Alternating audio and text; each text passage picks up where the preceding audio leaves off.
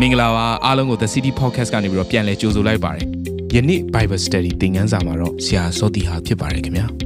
စိတ်နှလုံးတကားကိုဖွင့်ထားရင်သင်ရဲ့အသက်တာကိုကောင်းကြီးမင်္ဂလာဖြစ်စေမယ့်ဖရာသခင်ရဲ့နှုတ်ကပတ်တော်ကိုအတူတူဝခံယူကြရအောင်ခင်ဗျာအားလုံးမင်္ဂလာပါအားလုံးကို Happy Father's Day ဆိုပြီးတော့နှုတ်ဆက်ပါတယ်အထူးသဖြင့်ဖခင်များကိုဒီနေရာကနေပြီးတော့ဂုဏ်ပြုခြင်းနဲ့ဒီနေ့ဟာကျွန်တော်တို့ဖခင်တွေကို နော်ဂုဏ်ပြုတဲ့နေ့ရက်တည်းလည်းဖြစ်ပါတယ်နိုင်ငံလိုက်တော့နေ့ရက်ကွဲပြားကောင်းကွဲပြားနိုင်တယ်ဩစတြေးလျမှာဆိုရင်တော့ September လမှ Father's Day ဆိုပြီးတော့ဒီလိုမျိုးသတ်မှတ်တာရှိပါတယ်အဲ့တော့မြန်မာပြည်ကသတ်မှတ်တဲ့အာ Father's Day နဲ့လည်းနည်းနည်းကွာကောင်းကွာနိုင်တယ်သို့တော်လည်းပဲကျွန်တော်မြန်မာပြည်မှာကျွန်တော်တို့ဒီ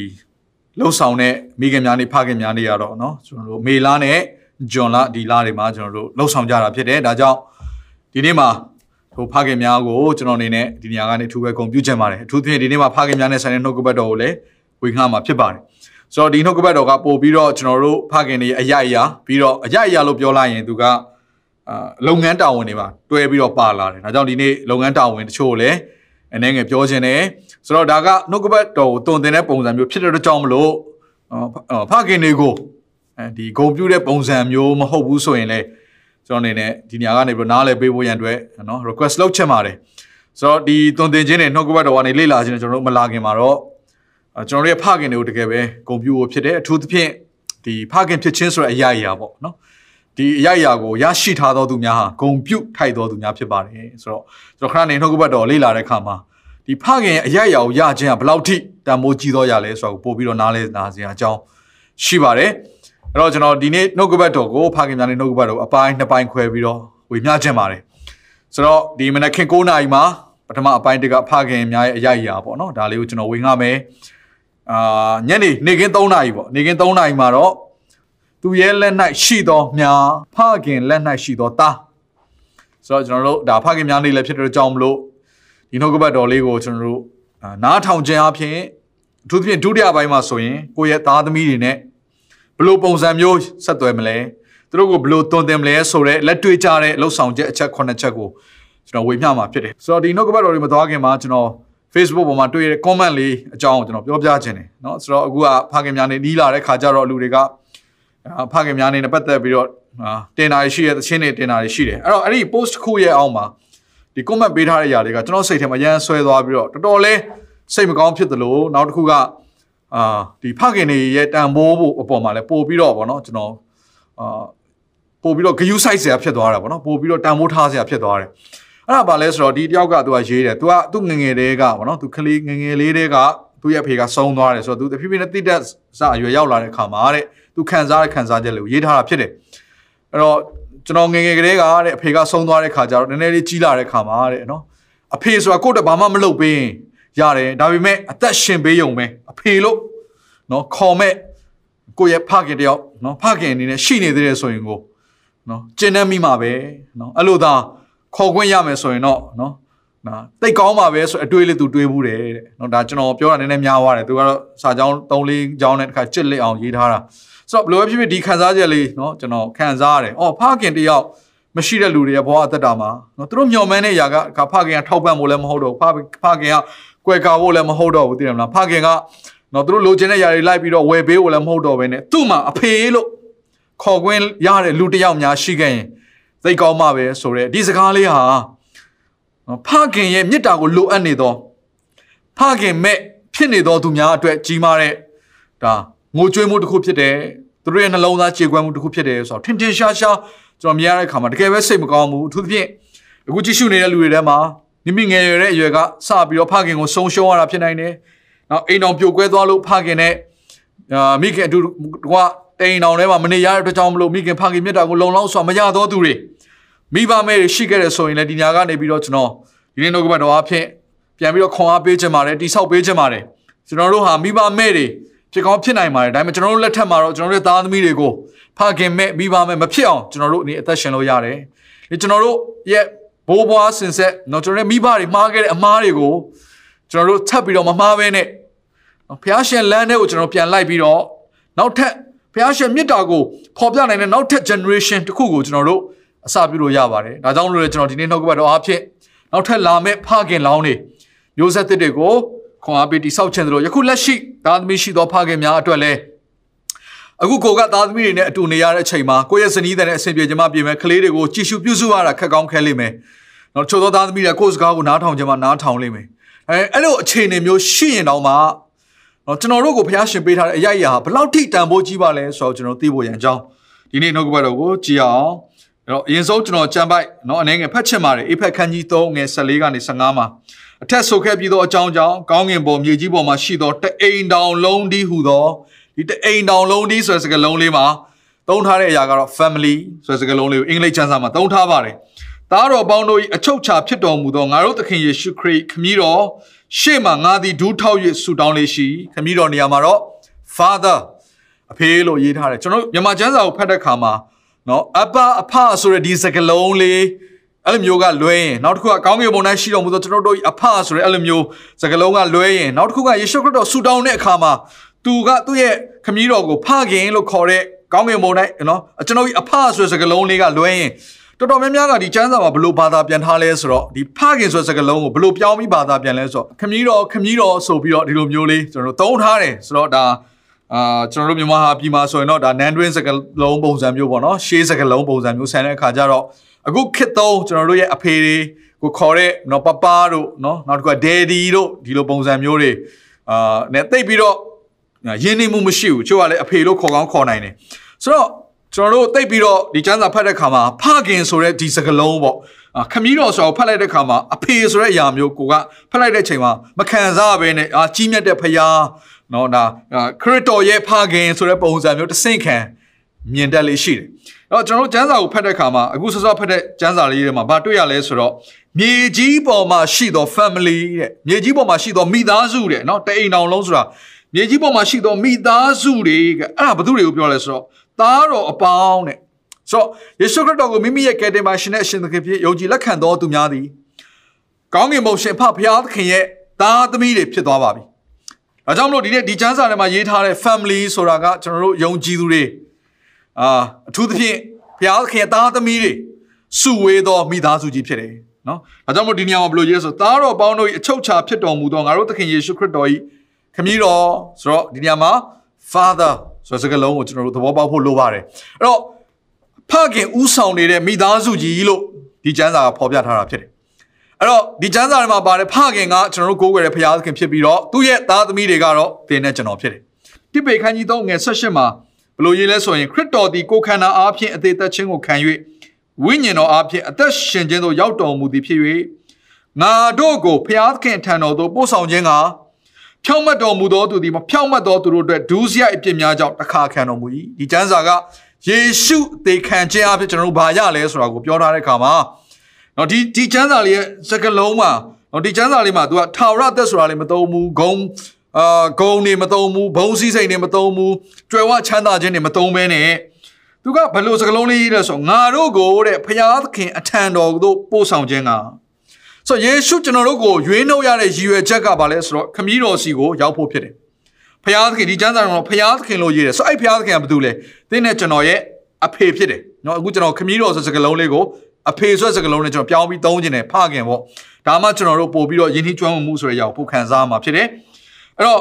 ကျွန်တော်တို့အားလုံးသိတဲ့ကျမ်းစာလေးကเนาะဒီအခုဆွဆွကျွန်တော်ဖတ်ခဲ့တဲ့တစ်ပေခန်းကြီးသုံးငယ်18ကိုเนาะတခါတည်းဓာတ်ရိုက်ပြောနေတာဖြစ်တယ်အဲ့ဒါကတော့ယော14 6ဖြစ်ပါတယ် 6နဲ့9ပေါ့နော်ယေရှုကငါသည်လမ်းခီးဖြစ်တမန်တရားလည်းဖြစ်အသက်လည်းဖြစ်ငါ့ကိုအမိမပြုတ်လင်အဘယ်သူများ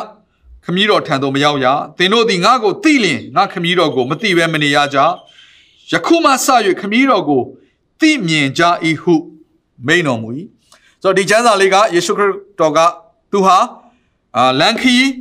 တမန်တရားအသက်ဖြစ်တယ်ဆိုတဲ့အရာလေးကိုပြောထားတယ်ဆိုတော့ဒီနေရာမှာကျွန်တော်လန်ခီဆိုတဲ့အရာလေးကိုအဓိကထားပြီးပြောချင်ပါတယ်ဆိုတော့ I am the way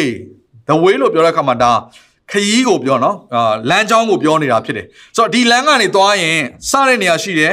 ကိုရောက်သွားမယ့်နေရာတစ်ခုရှိတယ်ဘာလို့ဆိုတော့ the way လို့ပြောတာဟုတ်အဲ့တော့ဒီနေရာမှာယေရှုက I am the way တဲ့ငါဟာလမ်းဖြစ်တယ်ဒါဆိုဒီလမ်းကဘယ်ကိုခေါ်သွားရလဲကျမ်းစာမှာအဖြေပါပြီးသားဖြစ်တယ်ငါကိုအမိမပြုတ်လင်အဘယ်သူများ ဖခင်ထံသို့မရောက်ရခမည်းတော်ထံသို့မရောက်ရဆိုတော့ယေရှုခရစ်တော်ဟာလမ်းခီးဖြစ်တယ်အဲ့လမ်းခီးကဘယ်ကိုပို့တာလဲဖခင်ဒီဟူသောကျွန်တော်တို့ကိုးကွယ်သောဘုရားသခင်စီကိုပို့ဆောင်တာဖြစ်တယ်။ကြောင့်ကျွန်တော်တို့ဓမ္မသစ်ကိုရောက်လာတဲ့အခါမှာဂျူးလူမျိုးတွေကဒီဣသရေလလူမျိုးတွေကပေါ့နော်ကျမ်းတက်ပုဂ္ဂိုလ်တွေကအစယေရှုခရစ်တော်နဲ့သူ့ရဲ့ဖခင်ဖြစ်တဲ့ခမည်းတော်ဖခင်ပေါ့နော်ဖခင်သခင်ရဲ့ဆက်ဆံရေးကိုသူတို့နားမလည်ကြဘူး။အရင်တော့သူတို့သိခဲ့တဲ့ ဖခင်သခင်နဲ့ဆက်ဆံရေးဆိုတာကဖခင်သခင်ကြီးမြတ်တယ်တန်ရှင်းတယ်အကြောင်းမဲ့ဖွယ်ဖြစ်တယ်တကိုးကြီးတယ်ဘုရားသခင်နာမဖြစ်တဲ့ဂျေဟောဝါယေဟောဝါဆိုရဲနော်ဒီနာမကိုသူတို့ကျမ်းစာဖတ်ရင်တော့မှအတန်လေးကိုဖွာပြီးတော့ဖတ်တယ်လေးတန်လေးနဲ့ပဲဖတ်တယ်ဆိုဆိုရတဲ့ဘောကဘုရားသခင်အယံကိုတန်ရှင်းမြင့်မြတ်တဲ့အတွက်ကြောင့်မလို့သူ့ရဲ့နာမည်ကိုတော့မှမခေါ်ရဲလောက်တဲ့အထိအဲ့လောက်ထိသူတို့နားလည်ထားတဲ့အရာကနေပြီးတော့အခုကြတော့ဘာဖြစ်လာလဲဆိုတော့ယေရှုခရစ်တော် အားဖြင့်ခမည်းတော်ဆိုတဲ့ဖခင်ဆိုတဲ့အဖဆိုတဲ့အဲ့ဒီအဘအဖလို့ခေါ်ရတဲ့အဲ့ဒီခေါ်ခြင်းအခွင့်ကိုဒီသဘောပေါက်ဖို့ရန်ဖြစ်လာတယ်ဆိုတော့ယေရှုခရစ်တော်နော်သူအမှုဆောင်လုပ်ငန်းလုပ်တဲ့ချိန်မှာတော့လူတွေကမသိကြဘူးဒါပေမဲ့ယေရှုခရစ်တော်ကသူကသူကိုယ်တိုင်ဆူတောင်းတဲ့ချိန်မှာလဲဖခင်ဆိုတဲ့စကားလုံးကိုသူအမြဲသုံးတယ်အထူးသဖြင့်ယောဟန်အခန်းကြီး7ခွန်သင်ဖတ်ကြည့်ပါအဲ့ဒီမှာဆိုရင်ကိုတော်ကိုရဆိုတဲ့စကားလုံးတွေနဲ့ဘာသာပြန်ထားတယ်ဒါပေမဲ့ အဲအင်္ဂလိပ်ကျမ်းစာကိုဖတ်ကြည့်ဒါမှမဟုတ် original ကျမ်းစာမှာဘယ်လိုပဲရေးရဆိုတော့ तू ကအဖဆိုတဲ့စကားလုံးကိုပဲသုံးထားတာအဖအဖအဖဒါတွေပဲသုံးထားတာဆိုတော့မြန်မာကျမ်းစာမှာကျတော့ကိုတော်ဆိုပြီးတော့သူပြောင်းသွားတာရှိတယ်ဆိုတော့ယောဟန်ခန်းကြီး7ခုမှာသူ့ရဲ့ဆူတောင်းချက်လေးမှာပင်လေသူကဒါနောက်ဆုံးပေါ့နော်သူသူ့ရဲ့တပည့်တော်တွေအတွက်သူဆူတောင်းတယ်တလုံးတော်ရဖြစ်ချင်းအကြောင်းအရာတွေကိုသူ့အတွက်သူစပြီးတော့ခမည်းတော်စီမှာဆူတောင်းတဲ့အခါမှာသူအဲ့ဒီဆူတောင်းချက်လေးမှာအဖအဖလို့ခေါ်သွားတာနော်6ကြိမ်လောက်ကျွန်တော်တို့တွေ့ရတယ်နောက်ထပ်တစ်ခုကတော့ကျွန်တော်တို့ကိုသင်ပေးခဲ့တဲ့နာသူ့ရဲ့တပည့်တော်တွေကိုသင်ပေးခဲ့တဲ့ အာဆူတောင်းဆူတောင်းချက်ပေါ့ပဋ္ဌာနာတော်ရှိတယ်ဘယ်လိုဆူတောင်းရမလဲဆိုတာသူကသင်ပေးခဲ့တာ lost prayer လို့ခေါ်တယ်။တော့ဒီဆူတောင်းချက်မှာလည်းဘယ်လိုပြောလဲကောင်းကင်ဘုံတိုင်းရှိတော်မူသောကျွန်ုပ်တို့၏အဖဆိုတော့ငါရဲ့ဖခင်မမဟုတ်တော့ဘူးတဲ့အကျွန်ုပ်တို့၏ဖငါတို့အားလုံးရဲ့ဖခင်ဖြစ်တယ်။ဒါကြောင့်ကျွန်တော်တို့ဖခင်ဆိုတဲ့အကြောင်းအရာကိုကျွန်တော်တို့မပြောခင်မှာ ကျွန်တော်ကိုးကွယ်သောဘုရားသခင်သည်ကျွန်တော်တို့ရဲ့ဖခင်ဖြစ်တယ်ဆိုတဲ့အရာကိုယေရှုခရစ်တော်ကသူကိုယ်တိုင်ဒီလောကကိုကြွလာပြီးတော့ထင်ရှားပြသတာဖြစ်တယ်ဆိုတာကိုသဘောပေါက်ဖို့ရန်ရည်ကြည့်ပါတယ်။ဘာကြောင့်လဲဆိုရင်ဣသရေလလူမျိုးတွေရဲ့သူတို့ဒီဘုရားသခင်ရဲ့ယဉ်ကျေးကျွမ်းဝင်ပါတယ်ဆိုဒီလူမျိုးတွေကိုယ်တိုင်ကယေရှုခရစ်တော်ကြွလာတဲ့အချိန်မှာအဲ့ဒီဆက်ဆံရေးကိုသဘောမပေါက်ဘူး။သူတို့နားလည်ထားတဲ့အရာကအယံတန်ရှင်းမြတ်မြတ်တဲ့ဘုရားဖြစ်တယ်။နော်အဖေလို့ခေါ်ခွင့်မရှိဘူးဆိုတဲ့အရာမျိုးဒါပေမဲ့အခုခရစ်တော်ကအဖေလို့ခေါ်နေပြီ။ အဲ့ဒီမှာတခါလေကြမ်းတဲ့ပုံကိုလည်းအရန်စိတ်ဆိုးတယ်ဒီလောက်ထိငါတို့ငါတို့တော့မှသူ့ရဲ့ဖျားခင်နာမတော်မှမခေါ်ရဲတဲ့ဒီဒီလောက်ထိတန်ရှင်းမြတ်တဲ့ဖျားကိုမင်းကဘာဖြစ်လို့အဖေလို့ခေါ်တာလဲအဲ့တော့ဓမ္မသစ်ကဖွင့်ပြလိုက်တဲ့ new revelation ဘာ new revelation လဲအသစ်ဖွင့်ပြချက်ကဘာလဲဖျားသခင်ရဲ့နောက်ထပ်နာမည်တစ်ခုအသစ်ဖွင့်ပြလိုက်တာဖြစ်တယ်ကျွန်တော်ဂျဟောဗာဆိုတဲ့ဒီဖျားရှင်နာမတော်တွေကို နော်အာကျွန်တော်လေ့လာလိုက်တဲ့အခါမှာနော်ဘုရားရှင်နာမတွေရှိတယ်တခါတည်းနော်ယေဟောဝါဆိုတဲ့ပတ်သက်တဲ့များသူတို့အကုန်သိတယ်နော်သူတို့အီဂျစ်ပြည်ကနေစပြီးထွက်လာတဲ့အချိန်ကလေးကသူတို့သိခဲ့တဲ့နာမတစ်ခုကဘုရားကိုယ်တိုင်မိတ်ဆက်တာဂျဟောဝါရာဖာငါဟာကျမ်းမာခြင်းအရှင်ဖြစ်တယ်ဆိုတဲ့အရာကိုတခါတည်းသူကိုယ်တိုင်မိတ်ဆက်ခဲ့တာဖြစ်တယ်ဘုရားသခင်ကသူ့ရဲ့နာမတွေကိုဆိုတော့ဣသရေလလူမျိုးတွေကလည်းအာကျမ်းမာခြင်းရှင်ထောက်ပံ့သောရှင်တခါတည်းဆိုအောင်မြင်ခြင်းစသဖြင့်ပေါ့သူတို့အာဘုရားသခင်နာမတော်တွေကိုသူသိကြတယ်တိုးထိန်ရှင်စသဖြင့်သို့တော်လည်းပဲအခုတော့ယေရှုခရစ်တော်က အဲ့ဒီနာမတွေကိုမပြောတော့ဘဲနဲ့နောက်ထပ်နာမတစ်ခုကိုသူကလာပြီးတော့မိတ်ဆက်တယ်အဲ့ဒါကဘာလဲဆိုတော့ဖခင်ဆိုတော့အဲ့ဒီမှာကျန်တဲ့ပုံကိုယ်တွေကလုံးဝလက်မခံနိုင်ဘူးဆိုတော့ဒီနေ့ကျွန်တော်နားလည်ထားမယ့်အရာတစ်ခုဘာလဲဆိုရင်အခုဓမ္မသစ်ကာလမှာကျွန်တော်တို့ကိုးကွယ်နေသောဖခင်ကျွန်တော်တို့ worship လုပ်ကျွန်တော်တို့တော့တကယ့်ကိုလေးမြတ်ခြင်းနဲ့ကြောက်ရွံ့ခြင်းနဲ့ယိုသေးခြင်းနဲ့ချီးမြှောက်ကိုးကွယ်နေသောဖခင်သည်သင်နဲ့ကျွန်တော်ကိုသူ့ရဲ့တပါးသောသားတော်ယေရှုကိုစွန့်သိတိုင်အောင်ချစ်တော် ချစ်ချင်းမေတ္တာဂရုဏာနဲ့ပြေဝသောအင်မတန်ချစ်ဖွယ်ကောင်းသောဖခင်ဖြစ်တယ်ဆိုတာကိုအရင်ဆုံးသဘောပေါက်ဖို့လိုတယ်ဆိုတော့ကျွန်တော်တို့လူသားတွေဘက်ကရရှိတဲ့အမြင့်ဆုံးဘုရားသခင်နာမတစ်ခုကိုပြောပါဆိုရင်ဖခင်ဖြစ်ခြင်းဖခင်ဖြစ်ခြင်းတော့ကျွန်တော်ပြောမယ်ဖခင်ဆိုတာကဘုရားသခင်ရဲ့ဖြစ်ခြင်းကိုကျွန်တော်တို့ကအမွေခံရတာဖြစ်တယ်ကျွန်တော်ပြန်ပြောခြင်းတယ်လူသားဘက်က ဖျားသခင်ရဲ့နာမနဲ့အနီးဆက်ဆုံးဖျားသခင်ရဲ့ဖြစ်ခြင်းနဲ့အနီးဆက်ဆုံးကျွန်တော်လက်ခံရရှိတဲ့ဖြစ်ခြင်းအမွေကဘာလဲဆိုရင်ဖခင်ဖြစ်တယ်။မန်နေကျွန်တော်အားလုံးကဖျားရဲ့သားသမီးတွေဖြစ်တယ်။နော်ဒီမှာအသက်ဘလောက်ပဲကြီးကြီးဝိညာဉ်ရဘလောက်ပဲယဉ်ကျက်ယဉ်ကျက်ယာထုတွေဘလောက်ပဲများများဒီမှာသားသမီးတွေမြင်းမြစ်တွေဘလောက်ပဲများများဖျားရဲ့ရှေ့မှာတင်တဲ့ကျွန်တော်ဒီဖျားသခင်သားသမီးတွေဖြစ်တယ်။သို့တော်လည်းပဲဒီလောကမှာဖခင်ဖြစ်လာပြီဆိုရင် အဲ့ဒီအရာကဖျားသခင်ရဲ့ဖခင်ဖြစ်ခြင်းဆိုတဲ့အရာကိုဓာတ်ရိုက်အမွေခံရတာဖြစ်တယ်။ဒါကြောင့်ဒီຢာကဓမ္မသစ်မာကလေးကတကယ်တော့စရရမဟုတ်ဘူးလူတွေကဘုရားခင်ကိုဖခင်နေနဲ့နားမလည်ခဲ့ကြလို့ဖြစ်တယ်တော့အေရင်ဦးရင်မှာစကလေးကအာရနဲ့အေဝါကိုစပြီးဖြစ်ပွားစေတဲ့အချိန်ကလေးကဘုရားခင်သူကိုယ်တိုင်သူ့ရဲ့သားသမီးနှစ်ယောက်ကိုခါတယ်နော်ထိမ်းများမင်္ဂလာဆောင်နှင်းခြင်းနဲ့တခါအစပြုတဲ့အချိန်မှာသူပေးတဲ့ကောင်းကြီးမင်္ဂလာကဘာလဲဆိုတော့ အချင်းတို့များပြားစွာမွေးဖွားကြတော့မြေကြီးကိုပြည့်၍နိုင်ကြလောဆိုတဲ့အုပ်စိုးခြင်းအခွင့်အာဏာနဲ့အတူသူကဖခင်မိခင်ဖြစ်ခြင်းကိုကောင်းကြီးမင်္ဂလာကိုပေးလိုက်တာဖြစ်တယ်အချင်းတို့များပြားစွာမွေးဖွားကြလို့တော့သူတို့ကလေးမွေးဖွားလိုက်တဲ့ခါမှာဖခင်ဖြစ်ခြင်းဆိုအရာရာကိုသူတို့ခံစားရတယ်။တော့ကျွန်တော်တို့ကဖခင်ဖြစ်တယ်ဆိုတော့ငါတို့အိမ်အောင်ကြသွားလို့ကလေးတွေမွေးလာလို့ကအော်တိုဖခင်ဖြစ်တယ်ဆိုတာထက်ကျွန်တော်တို့ယုံကြည်သူတွေအတွက်ကကြတော့ဖခင်တယောက်ဖြစ်လာပြီဆိုရင် ဖခင်သခင်ရဲ့ဖြစ်ခြင်းကိုကျွန်တော်တို့ဓာတ်ရိုက်ဆက်ဆံရတာဖြစ်တယ်။ဓာတ်ရိုက်အမွေခံစားရတာဖြစ်တယ်။တနည်းအားဖြင့်ပြောရမယ်ဆိုရင်ဖခင်ကိုကျွန်တော်ကိုယ်စားပြုလိုက်တာဖြစ်တယ်။ဖခင်တယောက်ဟာ။ကြောင့်ကျွန်တော်တို့ကဝိညာဉ်ရေးရပိုင်းအရာအသင်းတော်တွေမှာကြည့်မယ်ဆိုရင်လေပေါ်လူကဒီစကားလေးကိုပြောတယ်ဆရာတွေအများကြီးရှိတယ်နော်အထောင်တောင်းရှိလိမ့်မယ်ဒါပေမဲ့ဖခင်ကတော့အရန်နေတယ်ဖခင်အများမရှိဘူး ဆိုတော့ဒါဆိုရင် तू အသွေးသားတော်ဆက်ခြင်းနဲ့ပတ်သက်တဲ့ဖခင်ကိုပြောနေတာမဟုတ်ဘူးဝိညာဉ်ရေးရဘိုင်းဆိုင်ရာမှာဖခင်သခင်ကိုကိုစားပြုပြီးတော့နော် तू ပြုစုရတဲ့သူတွေကိုဖခင်သခင်နှလုံးသားနဲ့တကယ်မိဘတယောက်ရဲ့နှလုံးသားဖခင်သခင်ရဲ့အာအတွေးခေါ်ဖခင်သခင်ရဲ့ကျင်နာမှုမျိုးဖခင်သခင်ရဲ့စိတ်ရှည်မှုမျိုးနဲ့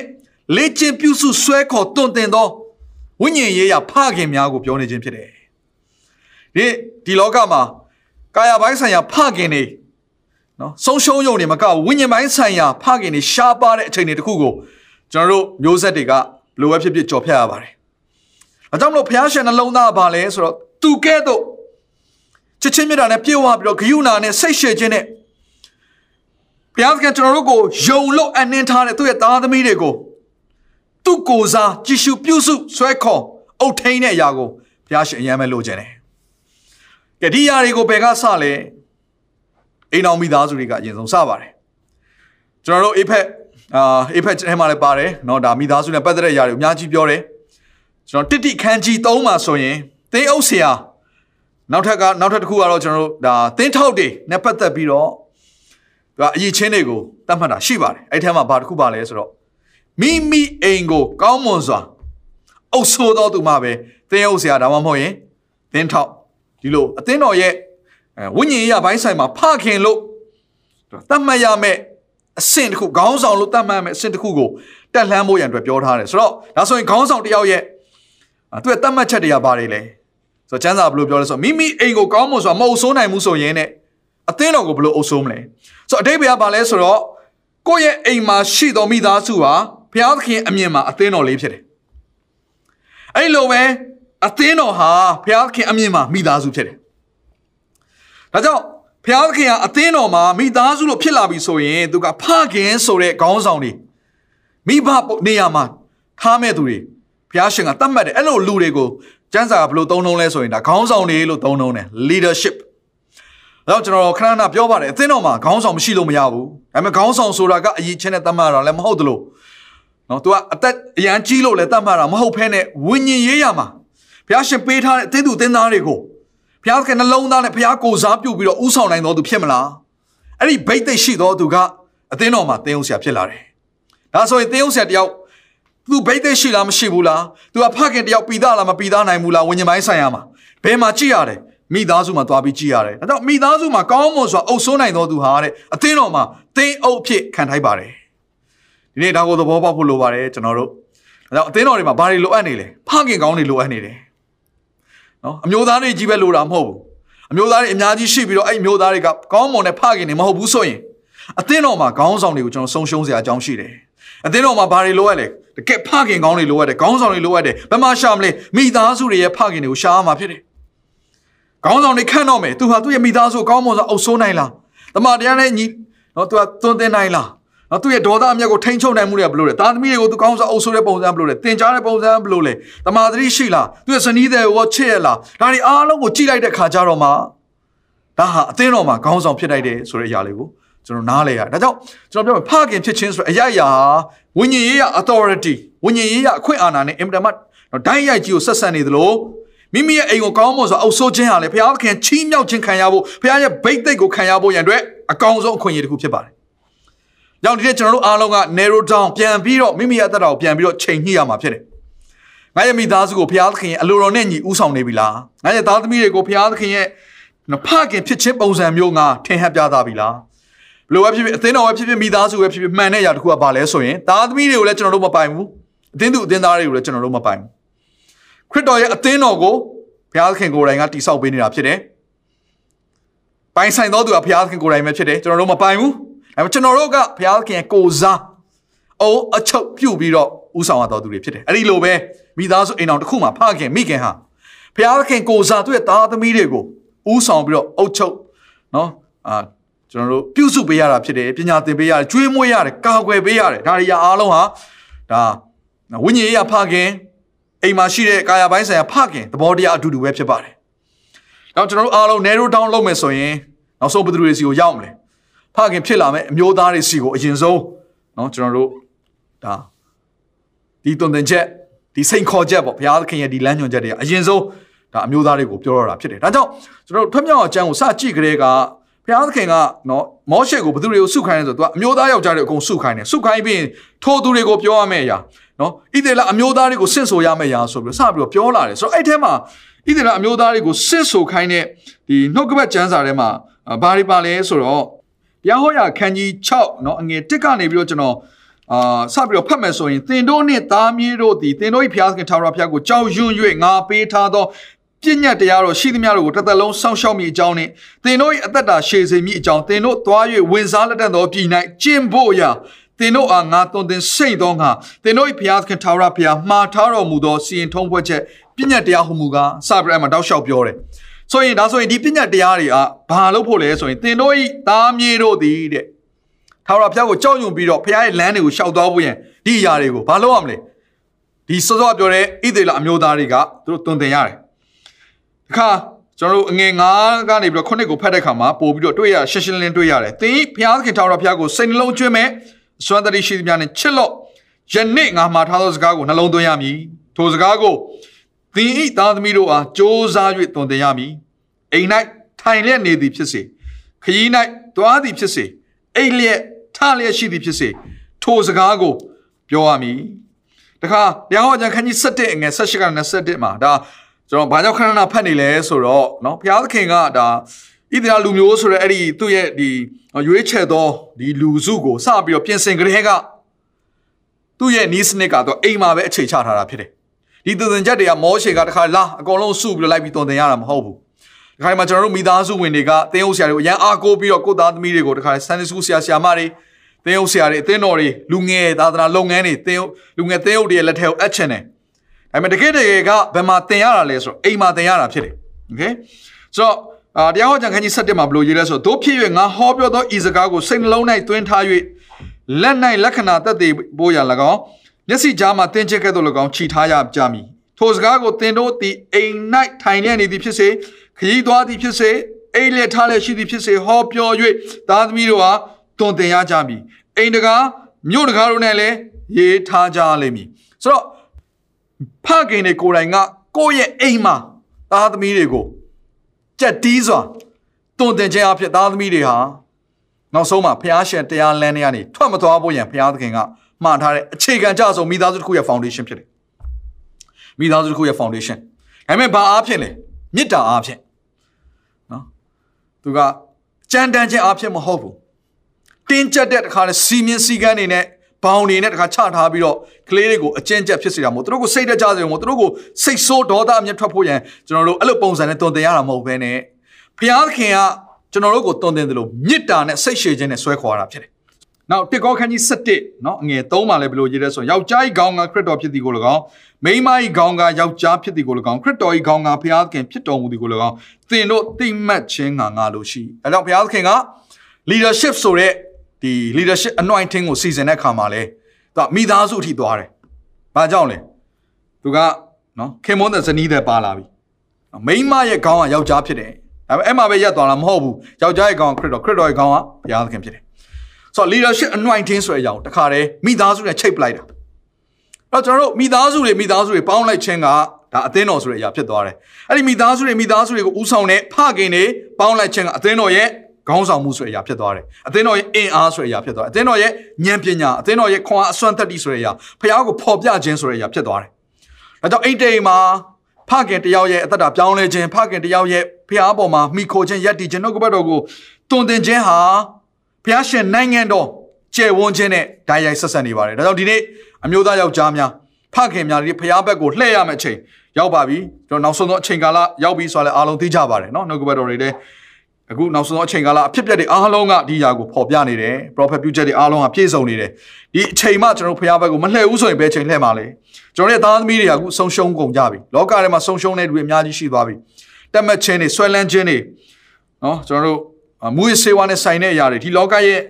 culture တွေเนาะယဉ်ကျေးမှုတွေထဲမှာပျောက်ဆုံးသွားတော့ရတယ်ကျွန်တော်တို့မျိုးဆက်တွေเนาะဒါပျောက်ဆုံးနေကြတယ်ကျွန်တော်ကိုယ်တိုင်ကအစเนาะအာကျွန်တော်တို့ generation မှာဖျားသခင်ကိုသိဖို့ရန်အတွက်တကယ်ကိုအဖို့ခပေးခဲ့တဲ့တုံသင်ခဲ့တဲ့အချိန်တွေပေးခဲ့တဲ့ကျွန်တော်ရဲ့ဖခင်တွေကိုလည်းကျွန်တော်ဒီညကတကယ်ပဲဂုဏ်ပြုခြင်းနဲ့ကျွန်တော်ရဲ့ဖခင်ကြီးကလည်းနော်ဘုရားရှင်နှုတ်ကပတ်တရားလမ်းထဲမှာသွားဖို့တန်ရှင်သောတက်တာဖြောင့်မတ်သောဖြောင့်မတ်သောတက်တာနဲ့အသက်ရှင်ဖို့ရန်အတွက်တင်းတင်းကြပ်ကြပ်နော်တကယ်ကိုတုံသင်ခဲ့ပြီးတော့ မှားတဲ့ຢာတွေကိုလှုပ်ဆောင်တဲ့အချိန်မှာလည်းတကယ်ကိုကျွန်တော်တို့ကိုဆုံးမခြင်းနဲ့အတူဘုရားရှင်တရားလမ်းဘုရားကိုကြောက်ရွံ့ခြင်းနဲ့အသက်ရှင်တတ်အောင်တုံသင်ပေးခဲ့ပါတယ်ဒါကြောင့်နော်ဖခင်အယက်ရာကိုရထားသောသူများဘုရားခင်ကိုကိုစားပြုထားသောသူများဖြစ်တဲ့ကြောင့်မလို့သူတို့ဟာဂုံပြုတ်ခံထိုက်သောသူများဖြစ်ပါတယ်ကဲဟုတ်ပြီဖခင်တရားအယက်ရာရပြီဆိုရင်ဖခင်နဲ့ဆိုင်တဲ့အလုပ်တွေလည်းပါလာပါပြီအဲ့ဒါကိုကျွန်တော်တို့ဒါအမှုဆောင်စကားနဲ့အသင်းတော်စကားနဲ့သုံးမယ်ဆို ministry နော်အမှုဆောင်လုပ်ငန်းပေါ့ဖခင်တရားရဲ့အမှုဆောင်လုပ်ငန်း၃မျိုးရှိပါတယ် အာဒါကိုကျွန်တော်နော်တခြားတရားဟောချက်တစ်ခုမှလည်းကျွန်တော်ဟောခဲ့တဲ့အတိုင်းပဲဒီနေ့မှနည်းနည်းလေးဒါကိုပြန်ပြောချင်တယ်အဲ့တော့ပထမဦးဆုံးသောဖခင်တယောက်ရဲ့အလုတ်တောင်ဝင်ကဘာလဲဆိုရင် priest ယေဘရဟိဖြစ်တယ်ဒုတိယတစ်ခုအလုတ်တောင်ဝင်ကဘာလဲဆိုရင် prophet ဖြစ်ပါတယ်တတိယတစ်ခုအလုတ်တောင်ဝင်ကတော့ရှင်ဘုရင်ဖြစ်ပါတယ်ဒါဟာယေရှုခရစ်တော်ရဲ့အမှုဆောင်လုပ်ငန်းနဲ့အတူတူပါပဲယေရှုခရစ်တော်သည်ကျွန်တော်တို့အတွက်ယေဘရဟိဖြစ်ပါတယ်ကျွန်တော်တို့အတွက် prophet လည်းဖြစ်ပါတယ်ကျွန်တော်တို့ရဲ့ရှင်ဘုရင်လည်းဖြစ်ပါတယ်အဲ့တော့ယေဘရဟိက သူကဘယ်လိုပုံစံမျိုးလဲဆိုရင်ယေဘရဟိဟာသူကမိမိရဲ့မိသားစုကိုနော်မိမိရဲ့လူမျိုးကိုဘုရားသခင်ရဲ့လူတွေကိုဘုရားသခင်ရဲ့အရှိမကိုစားပြုတော်သူဖြစ်တယ်ဆိုတော့ဒါယေဘရဟိမင်းဒီဟူသောယေရှုခရစ်တော်သည်ဒီလောကမှာရှိတဲ့လူသားတွေအားလုံးရဲ့အပြစ်ကိုနော်ဖြေဖို့ရန်အတွက်သူ့ရဲ့အသွေးသွန်းလောင်းခြင်းအဖြစ်ဘုရားသခင်ရှိမှသူကိုယ်တိုင်ကယေဘရဟိအနေနဲ့ပူဇော်တာဖြစ်တယ်နော်သူရစ်ကောင်ဟာလည်းသူပဲယေဘရဟိကလည်းသူပဲ ဆိုတော့သူကဘသူတွေကိုကိုစားပြုတာလဲဒီလောကမှာရှိတော့သူရွေးချယ်မဲ့ဒီမိသားစုနော်သူ့ရဲ့သားသမီးတွေပြောသူ့ရဲ့ညီကောင်မောင်နှမတွေလို့သုံးရမှာပေါ့နော်ယေရှုခရစ်တော်ဟိုဒီနေ့ကျွန်တော်တို့ဖခင်နဲ့သားသမီးကိစ္စပြောနေတယ်ဆိုတော့ဒါဖခင်ဒီဟူသောဘုရားသခင်နဲ့သူ့ရဲ့သားတော်ဒီဟူသောယေရှုခရစ်တော်ယေရှုခရစ်တော်ကယေဘရဟိအနေနဲ့ဘသူတွေကိုကိုစားပြုသွားလဲသင်နဲ့ကျွန်တော်ကိုကိုစားပြုသွားတာသူ့ရဲ့အသင်းတော်ဆိုရယ်သူ့ရဲ့ကိုယ်ခန္ဓာကိုကိုစားပြုသွားတာသူ့ရဲ့မိသားစုဖြစ်လာမယ်အဲ့ကိုယ်ခန္ဓာရဲ့အဝင်ဖြစ်တဲ့ ယေရှုခရစ်တော်ရဲ့ကိုယ်ခန္ဓာတော်အဝင်ဖြစ်တဲ့ယုံကြည်သူတယောက်စီတိုင်းကိုကိုစားပြုပြီးတော့သူကဘုရားရဲ့ရှေ့မှာမတ်တရတာဖြစ်တယ်။ဒါဆိုရင်အိမ်တိုင်းမှာရှိတဲ့ဖခင်ဟာသူကဘုရားသခင်ရှေ့မှာဘာကိုကိုစားပြုရတာလဲဆိုတော့သူ့ရဲ့မိသားစုကိုစားပြုပြီးတော့မတ်တရတာဖြစ်တယ်။ဒါဆိုရင် prophet က prophet ကတော့ဘုရားသခင်ဟာဘယ်လိုဘုရားမျိုးဖြစ်လဲဆိုတဲ့အရာကိုသူကမိသားစုရှေ့မှာချပြရတာဖြစ်တယ်။ဘုရားသခင်တန်ရှင်းတဲ့ဘုရား ဘုရားသခင်ဖြောင်းမတ်တဲ့ဘုရားဘုရားရှင်နှုတ်ကပတ်တော်တွေကိုဆေလွတ်ပြီးတော့ဘုရားရှင်နှစ်သက်တဲ့လမ်းဒါဖြစ်တယ်ဘုရားရှင်မနှစ်သက်တဲ့လမ်းဒါဖြစ်တယ်ဆိုတာကို direct လမ်းညွန်ခြင်းနဲ့သူမိသားစုကိုသူကခေါ်သွားတာဖြစ်တယ်မိသားစုကိုသူကထိန်ချောင်းပေးရတာဖြစ်တယ်ဘသူနေရာကနေလဲဘုရားသခင်ရဲ့နေရာကနေကိုစားပြုပြီးတော့ထိန်ချောင်းပေးရတာဖြစ်တယ်တခါနောက်တစ်ခုကတော့ရှင်ဘုရင်ရှင်ဘုရင်ကရောရှင်ဘုရင်ကတော့ဘုရားသခင်ရဲ့အုပ်ဆိုးခြင်းအခွင့်အာဏာတကိုးကိုအသုံးပြုပြီးတော့ နော်ဘုရားသခင်ရဲ့ဥဆောင်မှုကိုသူကကိုစားပြုပြီးတော့မိသားစုကိုဥဆောင်ရတာဖြစ်ပါတယ်။ဒါဆိုရင်အသင်းတော်ရဲ့ဝိညာဉ်ရဖခင်တွေလို့ပြောလို့ရမယ်သူတွေဟာဒီဘိတ်သိက်၃မျိုးနဲ့အလုပ်လုပ်တတ်ဖို့အရန်အရေးကြီးပါတယ်။ဒီနှလုံးသားမျိုးနဲ့အလုပ်လုပ်တတ်ဖို့အရေးကြီးပါတယ်။အဲ့ဒါကဘာလဲဆိုတော့ယေဘရဟိ prophet ရှင်ဘုရင်ရှင်ဘုရင်တယောက်ရဲ့နှလုံးသားရှိဖို့လိုတယ်။ယေဘရဟိတယောက်ရဲ့နှလုံးသားရှိဖို့လိုတယ်။ prophet ရဲ့နှလုံးသားရှိဖို့လိုပါတယ် နော်လှုပ်ဆောင်မှုလုပ်ငန်းတာဝန်တွေဆိုတဲ့အရာဟာသူတို့ရဲ့နှလုံးသားတွေကနေပြီးတော့ပေါ်ထွက်လာတဲ့အရာတွေဖြစ်ပါတယ်အဲ့တော့ကျွန်တော်တို့ဘလို့ဥဆောင်မလဲဘလို့ direct လုပ်မလဲဘလို့လမ်းညွှန်မလဲဘလို့ပုံစံနဲ့မိသားစုကိုကိုစားပြုတော့မိသားစုအပြစ်တွေကိုဘုရားသခင်ရှေ့မှာနော်ဖြေမလဲဆိုတဲ့အရာကိုဒီနေ့နှုတ်ကပတ်တော်ကိုကျွန်တော်ဆက်ပြီးတော့လေ့လာရအောင်ဆိုတော့ယောဘရဲ့အသက်တာအကြောင်းကျွန်တော်ပြောခဲ့ပြီးပါပြီယောဘမှာသားသမီးစုစုပေါင်း10ယောက်ရှိပါတယ်သား9ယောက်နဲ့သမီး3ယောက်သူတို့ရဲ့မွေးနေ့ရောက်တိုင်းမှာအထူးသဖြင့်သားတွေရဲ့မွေးနေ့မှာယောဘသည်နော်သူဟာ ရစ်ပူဇော်ခြင်းအမှုကိုပြုတ်ပြီးတော့ဒါမွေးနေ့ပြီးသွားတဲ့နောက်တစ်ရက်မှာရစ်ပူဇော်ခြင်းအမှုကိုပြုတ်ပြီးတော့သူ့ရဲ့ကျမ်းစာထဲမှာမှတ်တမ်းတင်ထားတဲ့အရာကဘာလဲဆိုတော့ငါရဲ့သားတွေဟာတဲ့ဘုရားသခင်ကိုပြစ်မှားပြီးတော့နော်ဘုရားသခင်လမ်းထဲထွက်သွားမှသူစိုးရိမ်နေဒါကြောင့်မလို့သူကဘာလုပ်လဲဆိုတော့သူ့ရဲ့သားသမီးတွေကိုစားသူဟာအပြစ်ဖြေခြင်းအမှုဆိုတဲ့ဒီရစ်ပရောဟိတ်တယောက်ရဲ့အလုတ်ကိုဆူတောင်းခြင်းနဲ့နော်ဒီခါလေကိုစားပြုဆူတောင်းခြင်းအမှုရာကိုသူလှုပ်ဆောင်နေဘုရားသခင်ကိုသူကိုးကွယ်တယ်ဆိုတဲ့အရာကိုကျွန်တော်တို့ ဒါတွေ့ရပါတယ်နော်သူရဲ့စိတ်နှလုံးထဲမှာတဲ့ဘုရားသခင်ကိုငါသားတွေကဘုရားသခင်ကိုစွန့်ပယ်ကြပြီလောဟုယောဘအောင်းမိတယ်ဆိုတော့သူရဲ့သားသမီးတွေနဲ့သူနေ့တိုင်းအာဒီဒီမွေးနေ့မှာသူဆုံတွေ့တဲ့ခါတိုင်းမှာစားကြတောက်ကြတဲ့ခါမှာပေါ့နော်သူသားတွေကိုသူကြည့်ရတာ observe ပေါ့နော်သူစစ်ဆေးတဲ့ပုံရပါတယ်သားသမီးတွေရဲ့နေထိုင်မှုပြောဆိုမှုသွားလာမှုသူတို့ရဲ့ဇလန်းတွေကိုနားထောင်ခြင်းအဖြစ်တခါဟာဘုရားသခင်ဒီရတော့ဘုရားသခင်မနစ်သက်ဘူးလားမသိဘူးဆိုတော့ဆော့ဆော့ပဲသူသားတွေပေါ်မှာသူစိုးရင်ခြင်းသားသမီးတွေပေါ်မှာစိုးရင်ခြင်းအရာကိုသူကဘာအဖြစ်ပြောင်းလိုက်လဲဆိုတော့ ဘုရားသခင်ရဲ့ရှေ့မှာအပြစ်ဖြေခြင်းဆိုတဲ့အရာအဖြစ်ပြောင်းလိုက်တယ်ဒီနေ့မိသားစုအိမ်တော်တွေမှာယောဘလိုဖခင်တွေလိုအပ်ပါတယ်ကိုယ့်ရဲ့သားသမီးတွေဘလောက်ပဲအခြေအနေကောင်းကောင်းစီးပွားရေးမှာဘလောက်ပဲအောင်မြင်အောင်မြင်ကိုယ့်ရဲ့အသက်ရှင်နေသမျှကာလပတ်လုံးနော်ကိုယ့်ရဲ့သားသမီးတွေဘလောက်ပဲအရွယ်ရောက်သည်ဖြစ်ပါစေကျွန်တော်တို့ကထိုးကိုယ့်ရဲ့သားသမီးတွေအတွက်နော်အမြဲတမ်းအနောက်ကနေကိုစားပြုဆုတောင်းပြီးတော့သူတို့ဘုရားရှင်လမ်းထဲကိုရှောက်သွားဖို့ရနောင်တတရားနဲ့ရှောက်သွားဖို့ရအတွက်ဘုရားရှင်မဆခြင်းကျေးဇူးရှိဖို့ရအတွက် ဆုတောင်းပေးရမှာဖြစ်တယ်ကျွန်တော်ဓမ္မအောင်ကျမ်းထဲမှာရှိတဲ့ထွက်မြောက်ကျမ်းเนาะခန်းကြီးစနစ်မှာကျွန်တော်တို့တွေ့ရတဲ့အဖြစ်အပျက်လေးတစ်ခုကတော်တော်လေးစိတ်ဝင်စားစရာကောင်းပါတယ်ဒါကတော့ဖခင်တယောက်ဟာဘလောက်ထိတာဝန်ကြီးလဲဆိုတဲ့အရာလေးနောက်ဖခင်တယောက်ရဲ့မတ်တက်ရက်ချင်းဖျားပဲလှည့်ခြင်းကဘလောက်ထိလွတ်မြောက်ခြင်းကိုပေးနိုင်လဲဆိုတဲ့အရာလေးဒါတွေ့ရတဲ့ဇလန်လေးပေါ့နော်ဒါကတော့အေဂုတုပြည်ကထွက်မြောက်ဖို့ရန်အတွက်နောက်ဆုံးသောနမိတ်လက္ခဏာဖြစ်တဲ့ ဒါတာဥတွေကိုတရားစီရင်ခြင်းဆိုတဲ့နမိတ်လက္ခဏာနော်ဒီတရားစီရင်ခြင်းမလာခင်မှာဘုရားသခင်ကဒါမောရှေကိုမှားပြီးတော့ဣသရေလအမျိုးသားတွေကိုနော်ပြိဿအားလုံးကိုစီဝေးခိုင်းပြီးတော့ဘုရားရှင်မှားတယ်မှားတဲ့အခါမှာကျွန်တော်မြန်မာကျမ်းစာကိုဖတ်တဲ့ချိန်ကျတော့နော်ဒီစကားလုံးလေးတစ်လုံးပါမလာဘူးဒါကြောင့်လို့ကျွန်တော်အင်္ဂလိပ်လိုတွေနဲ့တွဲပြီးတော့ဖတ်ချင်ပါတယ်ကျွန်တော်မြန်မာလိုရင်ဖတ်ချင်တယ်ထွတ်မြောက်စံခန်းကြီး7နှစ်အငယ်3မှာသင်တို့သည်ဣသရေလအမျိုးပြိဿပေါင်းတို့ကိုမှားထားရသောစကားဟုမူကားဤလ10ရက်နေ့၌သင်တို့ရှိသမျှသည် အဲ့သင်တို့ရှိသမျှသည်ဆိုတဲ့နေရာလေးမှာအင်္ဂလိပ်လိုကျမ်းစာကြတော့ each man မိသားစုအိမ်တော်မှာအိမ်တော်ဦးစီးဖြစ်တဲ့ဖခင်က each man အဲစကားလုံးလေးသုံးတယ်မိမိအိမ်တော်အတီးတီးအတိုင်းတအိမ်တော်လင်သိုးတငယ်တကောင်စီယူရမည်အဲသိုးတငယ်ကဘာသိုးတငယ်လဲအပြစ်ဖြေသောသိုးတငယ်ဖြစ်တယ်ထိုသိုးတငယ်အသွေးကိုတုတ်လိုက်တဲ့ခါမှာအဲ့ဒီအိမ်ထဲကိုတရားစီရင်ခြင်းကရောက်မလာတော့ဘူးဆိုတော့သိုးတငယ်အသွေးအဖြစ်လွတ်မြောက်တယ်ဒါပေမဲ့အဲ့ဒီသိုးတငယ်ရဲ့အသွေးအဖြစ်လွတ်မြောက်ဖို့ရန်အတွက်တအိမ်ကိုတယောက် ထွက်လာပြီးတော့သိုးတငယ်ကိုရွေးရတဲ့နော်သိုးတငယ်လေးကိုတတ်ပြီးတော့တခါတည်းအသွေးကိုတော့တောက်ချင်းဆိုတဲ့အရာကိုလောက်ရတော့သူကဘာလို့လဲအမျိုးသမီးမဟုတ်ဘူးမိန်းကလေးမဟုတ်ဘူးပြီးတော့သားသမီးတစုံတယောက်မဟုတ်ငါရဲ့သားအကြီးသွားမရဘူးအဲ့လိုလုံးလုံးမရဘူးအဲ့ဒီအိမ်တောင်ရဲ့အိမ်တောင်ဦးစီးကလာရတာဖြစ်တယ်အင်္ဂလိပ်လိုဖတ်ရတာပိုရှင်းပါတယ် tell the whole community of Israel that on the 10th day of this month each man is to take the lamb for his family one for each household ဆိုဒီစကားလုံးလေးနော် one for each household ဆိုတော့တိုးတငယ်တစ်ကောင်ကိုမိသားစုတစ်စုအတွက်ဒါပေမဲ့အဲ့မိသားစုတစ်စုအတွက်အဲ့ဒီမိသားစုရဲ့နော် each man for his family တဲ့သူရဲ့မိသားစုအတွက်မျိုးသားတစ်ယောက်ကလာမယ်ဘယ်သူလာတာအိမ်အောင်ဦးစီးကလာတာဖြစ်တယ်အဲဒါကြောင့်မလို့မိသားစုအိမ်အောင်တစ်ခုမှာဖခင်ရဲ့နော်မတ်တရက်လိုက်ခြင်းဟာဘယ်သူရှေ့မှာလဲဖခင်သခင်ရဲ့ရှေ့မှာအတ္တကိုနှိမ်ချခြင်းနဲ့မိမိပြစ်တဲ့ကိုနောင်တရခြင်းနဲ့ကိုယ့်ရဲ့အတ္တကိုပေးအပ်ပူဇော်ခြင်းနဲ့ ဖခင်ရှေ့မှာမတ်တရက်လိုက်တဲ့အခါမှာတအိမ်တောင်လုံးအတွက်ဘုရားရဲ့ကောင်းချီးရောက်လာစရာအကြောင်းရှိတယ်တအိမ်တောင်လုံးမှာရှိသောသူများလွတ်မြောက်စရာအကြောင်းရှိပါတယ်အဲ့တော့ဒီအမျိုးသားတယောက်ရဲ့ယုံကြည်ခြင်းအဖြစ်ဘုရားခင်ပြောသောစကားကိုနားထောင်ပြီးတော့တိုးတငယ်ကိုရွေးပြီးတော့အသွေးသွန်းလောင်းခြင်းအဖြစ်လှုပ်ဆောင်လိုက်တဲ့အရာကအဲ့ဒီနေ့မှာသူတို့မိသားစုတစ်စုလုံးကတည်ခြင်းတရားနဲ့လွတ်သွားတယ်ဒီနေ့မှာမိသားစုအိမ်တော်မှာရှိသောဖခင်များကဘုရားရှင်စကားကိုနားထောင်ပြီးတော့ယုံကြည်ခြင်းနဲ့စပြီးခြေလန်းလန်းမယ်ဆိုရင်ကယ်တင်ခြင်းဆိုသောအရာသည် ကျွဲဝခြင်းဆိုသောဆိုသောအရာငြိမ်သက်ခြင်းဆိုသောဝမ်းမြောက်ခြင်းဆိုသောဘုရားရဲ့ကောင်းကြီးမင်္ဂလာတွေဟာတင့်စီယာတဆင့်စီစဉ်လာမှာဖြစ်တယ်ဘုရားရှင်ကောင်းကြီးမင်္ဂလာဥကောင်းကနေပြီးတော့ခြေဖွားတိုင်အောင်စီစဉ်တာဖြစ်တယ်စီစဉ်သောအရက်ဒီအပေါ်ကနေအောက်ကိုဖြစ်တယ်ဘုရားသခင်ကနေပြီးတော့နော်ခရစ်တော်ရဲ့ဥကောင်းကြီးဟူသောဘုရားသခင်နော်ဖခင်ခမည်းတော်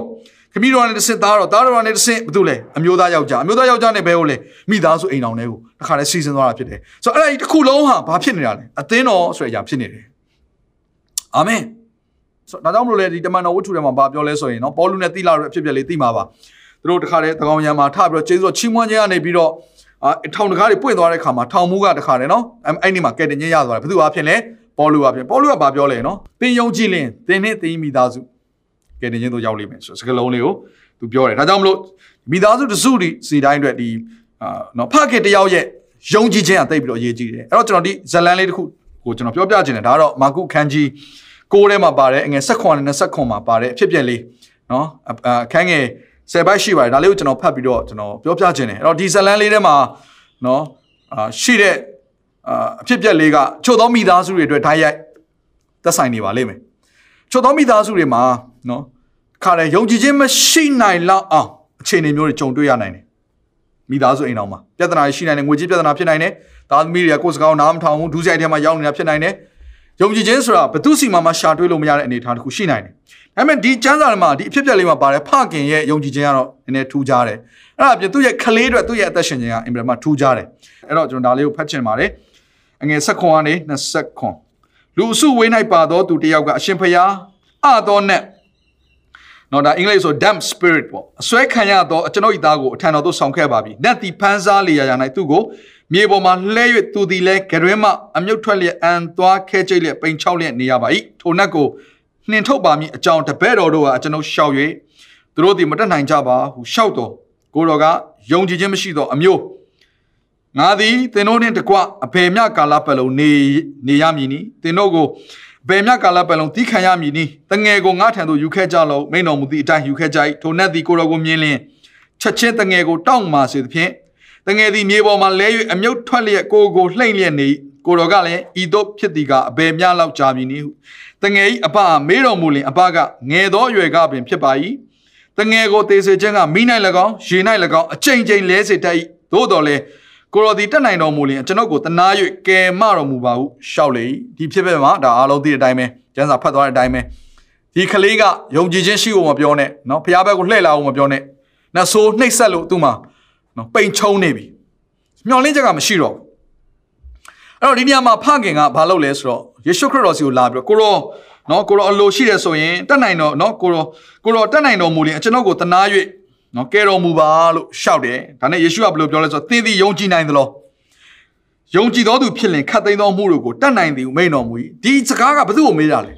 နတ်ဆိုးဆွဲပြီးတော့လဲနေတဲ့ခလေးကိုမေးတာမဟုတ်ဘူး နော်ပုံမှန်အားဖြင့်နော်ချို့တော့ကျွန်တော်တို့ကျမ်းမာခြင်းနဲ့ပတ်သက်ပြီးဆူတောင်းပေးတဲ့အခါမှာဟာမိမယုံကြည်ခြင်းမရှိတော့တဲ့ခါမှာပျောက်တာဆိုတဲ့စိတ်လိုမျိုးတွေဒီလိုမျိုးရှိတယ်မိမယုံကြည်ခြင်းမရှိလို့မအောင်မြင်တာမိမယုံကြည်ခြင်းမရှိလို့နော်မင်းရဲ့ဘဝတရဒီလိုဖြစ်နေတယ်ဆိုတဲ့ဒီလိုမျိုးစကားလေးကြားတတ်ပါတယ်ဒါပေမဲ့ဒီဇလန်မှာဘာတွေ့ရလဲဆိုရင်တားဖြစ်တဲ့သူကယုံကြည်ခြင်းရှိဖို့မပြောနဲ့မတက်တောင်မရနိုင်ဘူးဖះဘက်ကိုမလှည့်နိုင်ဘူးအဲ့လိုအခြေအနေမျိုးဟာမိသားစုတွေထဲမှာရှိတတ်ပါတယ်ကိုယ့်ရဲ့သားသမီးကဒူးစရိုက်ထဲမှာလဲနေတာမျိုး နော်နှဆိုးရဲ့တခါလဲဆွဲငင်မှုကြောင့်နှောက်ယှက်မှုကြောင့်ဖះဘက်ကိုပြန်မလှည့်ကျင်လောက်အောင်လောကထဲမှာပျော်မွေ့နေတာမျိုးကိုယ့်ရဲ့စနီးတယ်လည်းဖြစ်နိုင်တယ်ကိုယ့်ရဲ့ခင်မွန်းတယ်လည်းဖြစ်နိုင်တယ်စုံတစ်ယောက်ဖြစ်နိုင်ပါတယ်ချို့သောမိဘတွေကိုယ့်ရဲ့သားသမီးတွေကိုတွန်းတင်းတဲ့တခါတည်းငါသားလေးဟာငါရဲ့သမီးလေးဟာတွန်းတင်လို့ရနိုင်ပါတော့မလားငယ်တဲ့အရွယ်မှာပြင်းနေတော်တော်လေးခက်တဲ့အခြေအနေတခုကိုကြုံရနိုင်ပါတယ်ဒီကလေးစီကကျွန်တော်ယုံကြည်ခြင်းကိုသွားပြီးရှာလို့မရသူတို့စီမှာယုံကြည်ခြင်းရှိနိုင်မှာမဟုတ်သူတို့ကသူတို့ပြဿနာတက်နေတာအဲ့ တော့ဒီချင်းမျိုးအခြေအနေကြုံတွေ့ရတဲ့မိသားစုတွေမှာဘယ်သူအရေးကြီးလဲဆိုရင်ဖခင်သို့မဟုတ်မိခင်ကသူသဖြင့်ယုံကြည်ခြင်းဆိုတဲ့အရာကိုခါနဲ့ခြေလန်းလန်းမို့ရန်အတွက်ခွန်အားအနှဲငယ်ရှိသောသူတစ်စုံတစ်ယောက်ကစပြီးတော့ခြေလန်းလန်းလိုက်ခြင်းဟာမိသားစုတစ်ခုလုံးလွတ်မြောက်စရာအကြောင်းရှိနိုင်တယ်။တည့်ရသားသမီးတွေပြန်ပြီးတော့လွတ်မြောက်စရာအကြောင်းရှိနိုင်တယ်။သူဖြင့်ဖခင်တွေ။ဟောဒီကျမ်းစာထဲမှာရှိတဲ့ဖခင်ကတော့ခါရဲသူကယေရှုစီကိုလာတဲ့အခါမှာသူ့အတွက်လာတာမဟုတ်သူ့ရဲ့သားအတွက်လာတာ။ဒါပေမဲ့သူ့ရဲ့သားကယုံကြည်ခြင်းလုံးဝမရှိနိုင်ဘူး။ဒါပေမဲ့ယေရှုကယုံကြည်ခြင်းကိုဘယ်သူစီရမေးလဲ။ဖခင်စီရမေးတယ်။ သင်ယုံကြည်နိုင်လားတဲ့။ယုံကြည်နိုင်တယ်ဆိုရင်ခတ်သိမ်းတဲ့ຢာကိုတတ်နိုင်တယ်။ခတ်သိမ်းသောမှုကိုတတ်နိုင်တယ်။အဲ့တငယ်ရဲ့အဖေကဘာပြန်ပြောလဲဆိုတော့တငယ်ကြီးအဖသည်ချက်ချင်းဟစ်ကြော်၍အကျွန်ုပ်ယုံကြည်ပါ၏သခင်မယုံကြည်သည်ကိုမဆတော်မူပါဟုမျက်ရည်နှင့်ရှောက်ပြန်လေ၏ဒီမျက်ရည်ဆွဲစကလုံးကတော်တော်လေးအရေးကြီးပါတယ်ဘာကြောင့်လဲအတွင်းထဲကလာတာဖြစ်တယ်နှလုံးသားတွေကလာပြီသူနှစ်ပေါင်းများစွာငငယ်လေးကသူ့ရဲ့သားသူအရန်ချစ်ရတဲ့သားဖခင်တယောက်အနေနဲ့ဒီဖခင်နှလုံးသားကိုသင်တွေ့ရလိမ့်မယ်ဖခင်တယောက်ရဲ့တခါလေးပူဆွေးမှုကိုသင်တွေ့ရလိမ့်မယ် ဆိုတော့ဒီအချိန်မှာနော်သူ့အတွက်အဖြေကဒီနဆိုးရဲ့ချုံနှောင်မသူလွတ်မြောက်ဖို့ဖြစ်တယ်အဲ့တော့အဲ့ဒီအတွက် तू ဘာပဲဖြစ်ဖြစ် तू စွန့်စားမယ်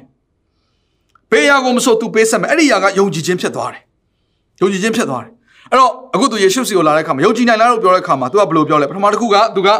ယုံကျွန်တော်ယုံကြည်ပါတယ်ဆိုချက်ချင်းပြန်ဖြစ်တယ်ဒုတိယတစ်ခုကတော့မယုံကြည်နိုင်တဲ့ຢာကိုမဆပါဆိုတော့ပြောချင်ကျွန်တော်တို့ရဲ့အသက်တာထဲမှာတစ်ခါတလေမှာ တော့ကျွန်တော်တို့ဘုရားသခင်ရဲ့အမြင်ကကြည့်မယ်ဆိုရင်ယုံကြည်ခြင်းအားနည်းတဲ့အရာမျိုးတွေ့ကောင်းတွေ့ရနိုင်တယ်ခါကိုယ့်ကိုပြန်ပြီးကြည့်မယ်ဆိုရင်ငါယုံကြည်ခြင်းအရာမှာအားနည်းလာကြည်လားဆိုကိုယ့်ကိုအားမရတဲ့အရာမျိုးဖြစ်နိုင်တယ်ဒါပေမဲ့သင်သိရမယ့်အရာတစ်ခုကဘုရားသခင်ကျွန်တော်တို့ခေါ်ရင်ထူးတဲ့ဘုရားဖြစ်တယ်ကျွန်တော်တို့အားနည်းခြင်းအရာမှာသူကစုံလင်စေတဲ့ဘုရားဖြစ်တယ်ကျွန်တော်တို့ကဒါကျွန်တော်တို့လေးတဲ့ဝတ်ထုတ်တွေကိုချထားမယ်ဆိုစီရင်မယ်လို့ဂတိပေးထားတဲ့ဘုရားဖြစ်တယ် ဆိုဘယ်လိုအခြေအနေမျိုးထိတယ်ကျွန်တော်တို့မှာခွန်ယုံကြည်နိုင်တဲ့အစွမ်းတတ္တိမရှိတော့တဲ့အချိန်မှာပင်လေကျွန်တော်တို့ကနေပြီးဖခင်ကိုတကယ်အတွင်းနှလုံးသားတဲ့အခါဝန်ခံအနံ့လိုက်မယ်ဆိုရင်ယုံကြည်ခြင်းကိုပင်ပေးနိုင်သောဖခင်ဖြစ်တယ်ဆိုတော့သင်သဘောပေါက်ဖို့ဖြစ်တယ်အဲ့တော့အခုဘာဖြစ်လဲနော်ယေရှုခရစ်တော်ကထိုအခါလူများတို့သည်စုဝေးလျက်ပြေးလာကြသည်ကိုယေရှုမြင်လင်နားပင်း၍စကားအတော်နဲ့တငယ်မထွက်လော့နောက်တစ်ဖက်မဝင်နှင့်ငါအမိန်ရှိ၏ဟုထိုညညူးသောနတ်ကိုဆုံးမ၍မိန်တော်မူသည်ဖြင့်နတ်သည်အော်ဟစ်၍ အလွန်တောက်မှဆေပြီးမှထွက်သွား၏တငယ်သည်တေတကဲ့သို့ဖြစ်တေပြီဟုလူများဆိုကြ၏ယေရှုသည်သူ၏လက်ကိုကန်၍ခြိကြွတော်မူသည်ဖြင့်သူသည်ထလေ၏ဟာလေလုယာဒီနေ့တဲ့သားသမီးတစ်စုံတစ်ယောက်ကဒါနတ်ဆွေချုံတော်မူလည်းဖြစ်ကောင်းဖြစ်နိုင်တယ်ဒီလောကရဲ့နီးလန်းနေအားထဲမှာပါသွားတာဖြစ်နိုင်တယ်ဆွဲလန်းခြင်းတွေလည်းဖြစ်နိုင်တယ်ဆေးဆွဲတာတွေ game ဆွဲတာတွေလောကရဲ့ရဲ့တတ်မှတ်မှုတွေအားလုံးအသွေးသားတတ်မှတ်ခြင်းဆွဲလန်းတာတွေဖြစ်နိုင်တယ်မိဘကိုမယိုသေးတဲ့ຢာတွေဖြစ်နိုင်တယ် ဒါတွေအားလုံးကတင်းရဲ့အမားကြောင့်လည်းဖြစ်နိုင်တယ်တင်းရဲ့တုန်တင်မှုနော်ဒါမှမဟုတ်တင်းရဲ့မိသားစုကဖြစ်ခဲ့တဲ့အခြေအနေတင်းကိုယ်တိုင်ကလည်းတစ်ခါမလွတ်မြောက်တဲ့ခါမှာကိုယ့်ရဲ့မိသားစုလွတ်မြောက်ခြင်းပြန်မပေးနိုင်တော့ဘူးကိုယ့်ရဲ့ဘိုးဘွားဆစ်ဆက်ကပါလာတဲ့ နော်ဒူးဆိုင်လမ်းထဲမှာတစ်ခါပြန်လျှောက်သွားရင်ကနေပြီးတော့ကိုယ့်ရဲ့မိသားစုကိုဖျားခင်လမ်းထဲကိုခေါ်မသွားနိုင်မနဲ့ဒူးဆိုင်လမ်းထဲကိုခေါ်သွားတယ်ဖခင်ဖြစ်တဲ့ကြောင့်မလို့တစ်ခါမိသားစုဖြစ်တဲ့ကြောင့်မလို့အဲ့မိသားစုပေါက်ဖွားလာတဲ့ကလေးတွေကလည်းဆက်ပြီးတော့ခါလေချီနှောင်ချင်းချုံနှောင်ချင်းထဲမှာရောက်ကောင်းရောက်နေနိုင်တယ်ဒါပေမဲ့ဒီနေ့ဝမ်းမြောက်ဆက်သတင်းစကားကတော့သင်ရဲ့မယုံကြည်နိုင်တဲ့အခြေအနေမှာပဲလင်သင်ကသာဖျားဘက်ကိုပြန်လှည့်မယ်ဆိုရင်သင်ရဲ့မယုံကြည်နိုင်ခြင်းကိုဖျားခင်သူ့ရဲ့ခွန်အားအစွမ်းတတ္တိသူ့ရဲ့မဆခြင်းအပြင် ကြီးသောယုံကြည်ခြင်းဘုရားရှင်ကတင့်ကိုထည့်ပေးနိုင်ပြီးတော့ဒီမှာရှိတဲ့အစွမ်းတတ္တိနည်းနည်းလေးနဲ့စပြီးတော့ဘုရားသခင်ရဲ့ရှေ့မှာတခါလေမိမိရဲ့တရားနှိတ်ချခြင်းနဲ့ဝန်ခံပြီးတော့ဘုရားပဲလက်မယ်ဆိုရင်လေသင်သားသမီးတွေတို့ဒူးဆိုင်တဲ့ကလွတ်မြောက်စရာအကြောင်းရှိတယ်။နတ်ဆိုးမှောင်မိုက်တကိုရဲ့ချုံနှောင်ခြင်းနဲ့လွတ်မြောက်စရာအကြောင်းရှိတယ်။ဒီဖခင်များကိုယ့်ရဲ့မိသားစုတဲ့မတ်တရမယ့်အချိန်ရောက်နေပါပြီ။နော်ဒုတိယလို့ကျွန်တော်တို့ရဲ့လုပ်ငန်းတာဝန်တစ်ခုကပါလဲဆိုရင်ဒါ prophet prophet prophet ဆိုတဲ့ຢာကနှုတ်ကပတ်တော်အဖြစ်ဒါ လမ်းညွန်တာဖြစ်တယ်ကျွန်တော်တို့အမှုဆောင်လုပ်ငန်းအသင်းတော်မှာရှိတဲ့ဒီအမိဘနေရာမှာလို့ပြောလို့ရတဲ့အမှုဆောင်လုပ်ငန်း၅မျိုးကျွန်တော်ကြည့်လိုက်တဲ့အခါမှာတမန်တော် prophet နော်အာသင်းအုပ်ဆရာသာသနာပြုဆရာဆိုတဲ့အရာကိုကြည့်လိုက်တဲ့အခါမှာနော် prophet ရဲ့အလုပ်ကဘာလဲဆိုတော့ direct လမ်းညွန်ရတာဖြစ်တယ်အသင်းတော်ကိုလမ်းညွန်ပေးရတာဆိုတော့ဘုရားရှင်နှုတ်ထွက်သတင်းစကားကိုပြန်ပြီးတော့ပြောပြီးတော့နော်ကိုယ့်ရဲ့ခံစားချက်နဲ့မဟုတ်ဘူးနော်ကိုဖြစ်ချင်တဲ့လမ်းမဟုတ်ဘူးဖះဘဲဖះရှော က်စေခြင်းနဲ့လမ်းကိုရှင်းရှင်းလင်းလင်းညွန်ပြပြီးတော့ဆွဲခေါ်တော်သူဟာဒါဖခင်တယောက်လောက်ရမယ့်ရာတစ်ခုဖြစ်တယ်မိမိရဲ့အိမ်မှာကိုယ့်ရဲ့ဇနီးတွေကိုကိုယ့်ရဲ့သားသမီးတွေကိုဖခင်တယောက်အနေနဲ့ဆွဲခေါ်ဝရမ်းရေးကြည့်တယ်ဘယ်ထဲကိုလဲဖះရှင်နီးလန်းထဲကိုနောက်ဖះရှင်နီးလန်းကိုသင်ကောင်းကောင်းသဘောပေါက်ဖို့လိုတယ်ဒါမလို့အိမ်အသီးသီးမှာရှိသောဖခင်များသည်နှုတ်ကပတ်တော်နဲ့ကြွယ်ဝနေဖို့အရန်ရေးကြည့်တယ် ဖះရှင်လမ်းနေရဘာလဲဆိုတော့ကိုဖះရှင်ဖွင့်ပြချက် revelation ရဖို့ရန်ရေးကြည့်တယ်ကိုကဖះနဲ့မသိဘူးဆိုရင်ကိုယ့်ရဲ့သားသမီးတွေကိုဖះနဲ့ဘယ်လိုမိတ်ဆက်ပေးမလဲကျမ်းစာတစ်ချက်မှာတွေ့ရတယ်အေလီနဲ့နော်ရှမွေလကျွန်တော်ကျမ်းစာဖတ်တဲ့ခါမှာဘယ်လိုတွေ့ရလဲဆိုတော့နော်အာခန်းကြီး3ဓမ္မရာဆိုရင်ပထမဆောင်ခန်းကြီး3အငယ်တက်မှာဆိုတငယ်ရှမွေလသည်အေလိရှေတွင်ထာဝရဘုရားအမှုတော်ကိုဆောင်ရွက်လေ၏ ငယ်လေးတွေကလာပြီးတော့မိဘအပ်ထားတာဘသူစီမှာလဲအေလိစီမှာရှမွေလကပညာသင်ရတယ်အလုတ်တွေကိုသင်ရတယ်အခုအေလိစီမှာရောက်နေတဲ့ရှမွေလကဘာတွေတက်လဲဘုရားရဲ့အမှုတော်နဲ့ဆိုင်တဲ့အလုတ်တွေကိုတက်တယ် service ဒါဝတ်ပြုခြင်းဆိုတဲ့နော်ဝတ်တွေပေါ့ဘုရားရဲ့ဝတ်ဝတ်လို့ပြောပြီးဆို service ကိုပြောတာ service နော်ဒါဘုရားသခင်ရဲ့ ဒါ temple နဲ့ဆိုင်တဲ့ temple service ပေါ့နော်ဒါဗိမာန်တော်နဲ့ဆိုင်အလုပ်တွေသူရပြီအာလက်တို့လက်တော့အကုန်လုံးခိုင်းလို့ရတယ်ဒါပေမဲ့ကျမ်းစာတစ်ချက်ကဘာပြောလို့ဆက်ပြီးဖတ်မယ်ဆိုရင်ထိုကာလ၌ထာဝရဘုရား၏နှုတ်ကပတ်တော်သည်နေပါ၏ထင်ရှားသောယူပါယုံမရှိရှမွေလသည်ထာဝရဘုရားကိုမသိသေးဗျာဒိတ်တော်မခံရသေး ဆိုအေလိယလက်ထက်မှာဘုရားရှင်နှုတ်ကပတ်တော်အပြင်ဘုရားဖွင့်ပြခြင်းတွေမခံစားဘူးဒါဆိုရင်အေလိယမသိလို့လားသိတာပေါ့ယေဘရဟိတ်ပဲယေဘရဟိတ်ဆိုတာကဘုရားရှင်ဘာကိုနှစ်သက်လဲဘုရားရှင်ဘာကိုမနှစ်သက်လဲအကုန်သိတယ်လောက်ရမယ့်ရာမလောက်ရမယ့်ရာကိုကောင်းကောင်းခွဲခြားပိုင်းခြားပြီးသိတော်သူကယေဘရဟိတ်လို့ခေါ်တယ်မသိတော့လုံးလုံးမရအောင်အဲပြဿနာဘာလဲဆိုတော့အေလိကသူသိချင်းသူသိတဲ့ຢာတွေနဲ့ပတ်သက်တဲ့ဘုရားရှင်မကြိုက်တဲ့ຢာကြိုက်တဲ့ຢာတွေကိုပြန်ပြီးတော့မသင်ပေးတဲ့ပြင်ဘုရားရှင်ဖွင့်ပြခြင်းတော့သူကိုယ်တိုင်ကမရရှိဘူး ဒါကြောင့်လည်းကျမ်းစာဘယ်လိုသတ်မှတ်ထားလဲနှုတ်ကပတ်တော်နဲ့ထင်ရှားတဲ့ယူပါရုံမရှိဘူးဆိုအေလိကိုယ်တိုင်က revelation of god ဘုရားရဲ့လောက်တဲ့ဘုရားရှင်ကြိုက်တဲ့ຢာမကြိုက်တဲ့ຢာတွေကိုကောင်းကောင်းသိတော်လည်းပဲကျမ်းစာကိုပိုင်နိုင်တော်လည်းပဲဘုရားရှင်ဖွင့်ပြချက်မရ revelation of god ဒီနေ့အဖြစ်ပြောဆို vision of god ယူပါရုံမရှိလူတို့ဟာအကျိုးနေကြတယ် without vision people will be perish ဘုရားသခင် revelation ကိုမရတော့တဲ့အတွက်ကြောင့်မလို့ကျမ်းစာတွေကိုသိတော်လဲပဲသူ့နဲ့ဘုရားကိုမိတ်ဆက်ပေးလို့မရဘူးအဲ့တော့ရှမွေလကိုယ်တိုင်ကဘာဖြစ်လဲဘုရားအလုပ်ကိုလုပ်နေတယ်ဒါပေမဲ့ရှမွေလသည်ထာဝရဘုရားကိုမသိသေးအေလီကမိတ်မဆက်ပေးနိုင်ဘူးအေလီကသူ့ရဲ့မကောက်သူ့ရဲ့သားအရင်တွေကိုလည်းမိတ်မဆက်ပေးနိုင်ဘူးနော်ဓမ္မရာဆိုရင်ဒါဖတ်ကြည့်လိုက်မယ်ဆိုရင်သူ့ရဲ့သားတွေဟာဗိမာန်တော်မှာပင်နေနော်သူတို့မှားယွင်းသောအမှုတွေကိုပြုကြတယ်နောက်ဆုံးမှာဘာဖြစ်လဲ ဣသရေလလူမျိုးတွေစီကဘုရားရှင်ဘုန်းတော်ခွာသွားတယ်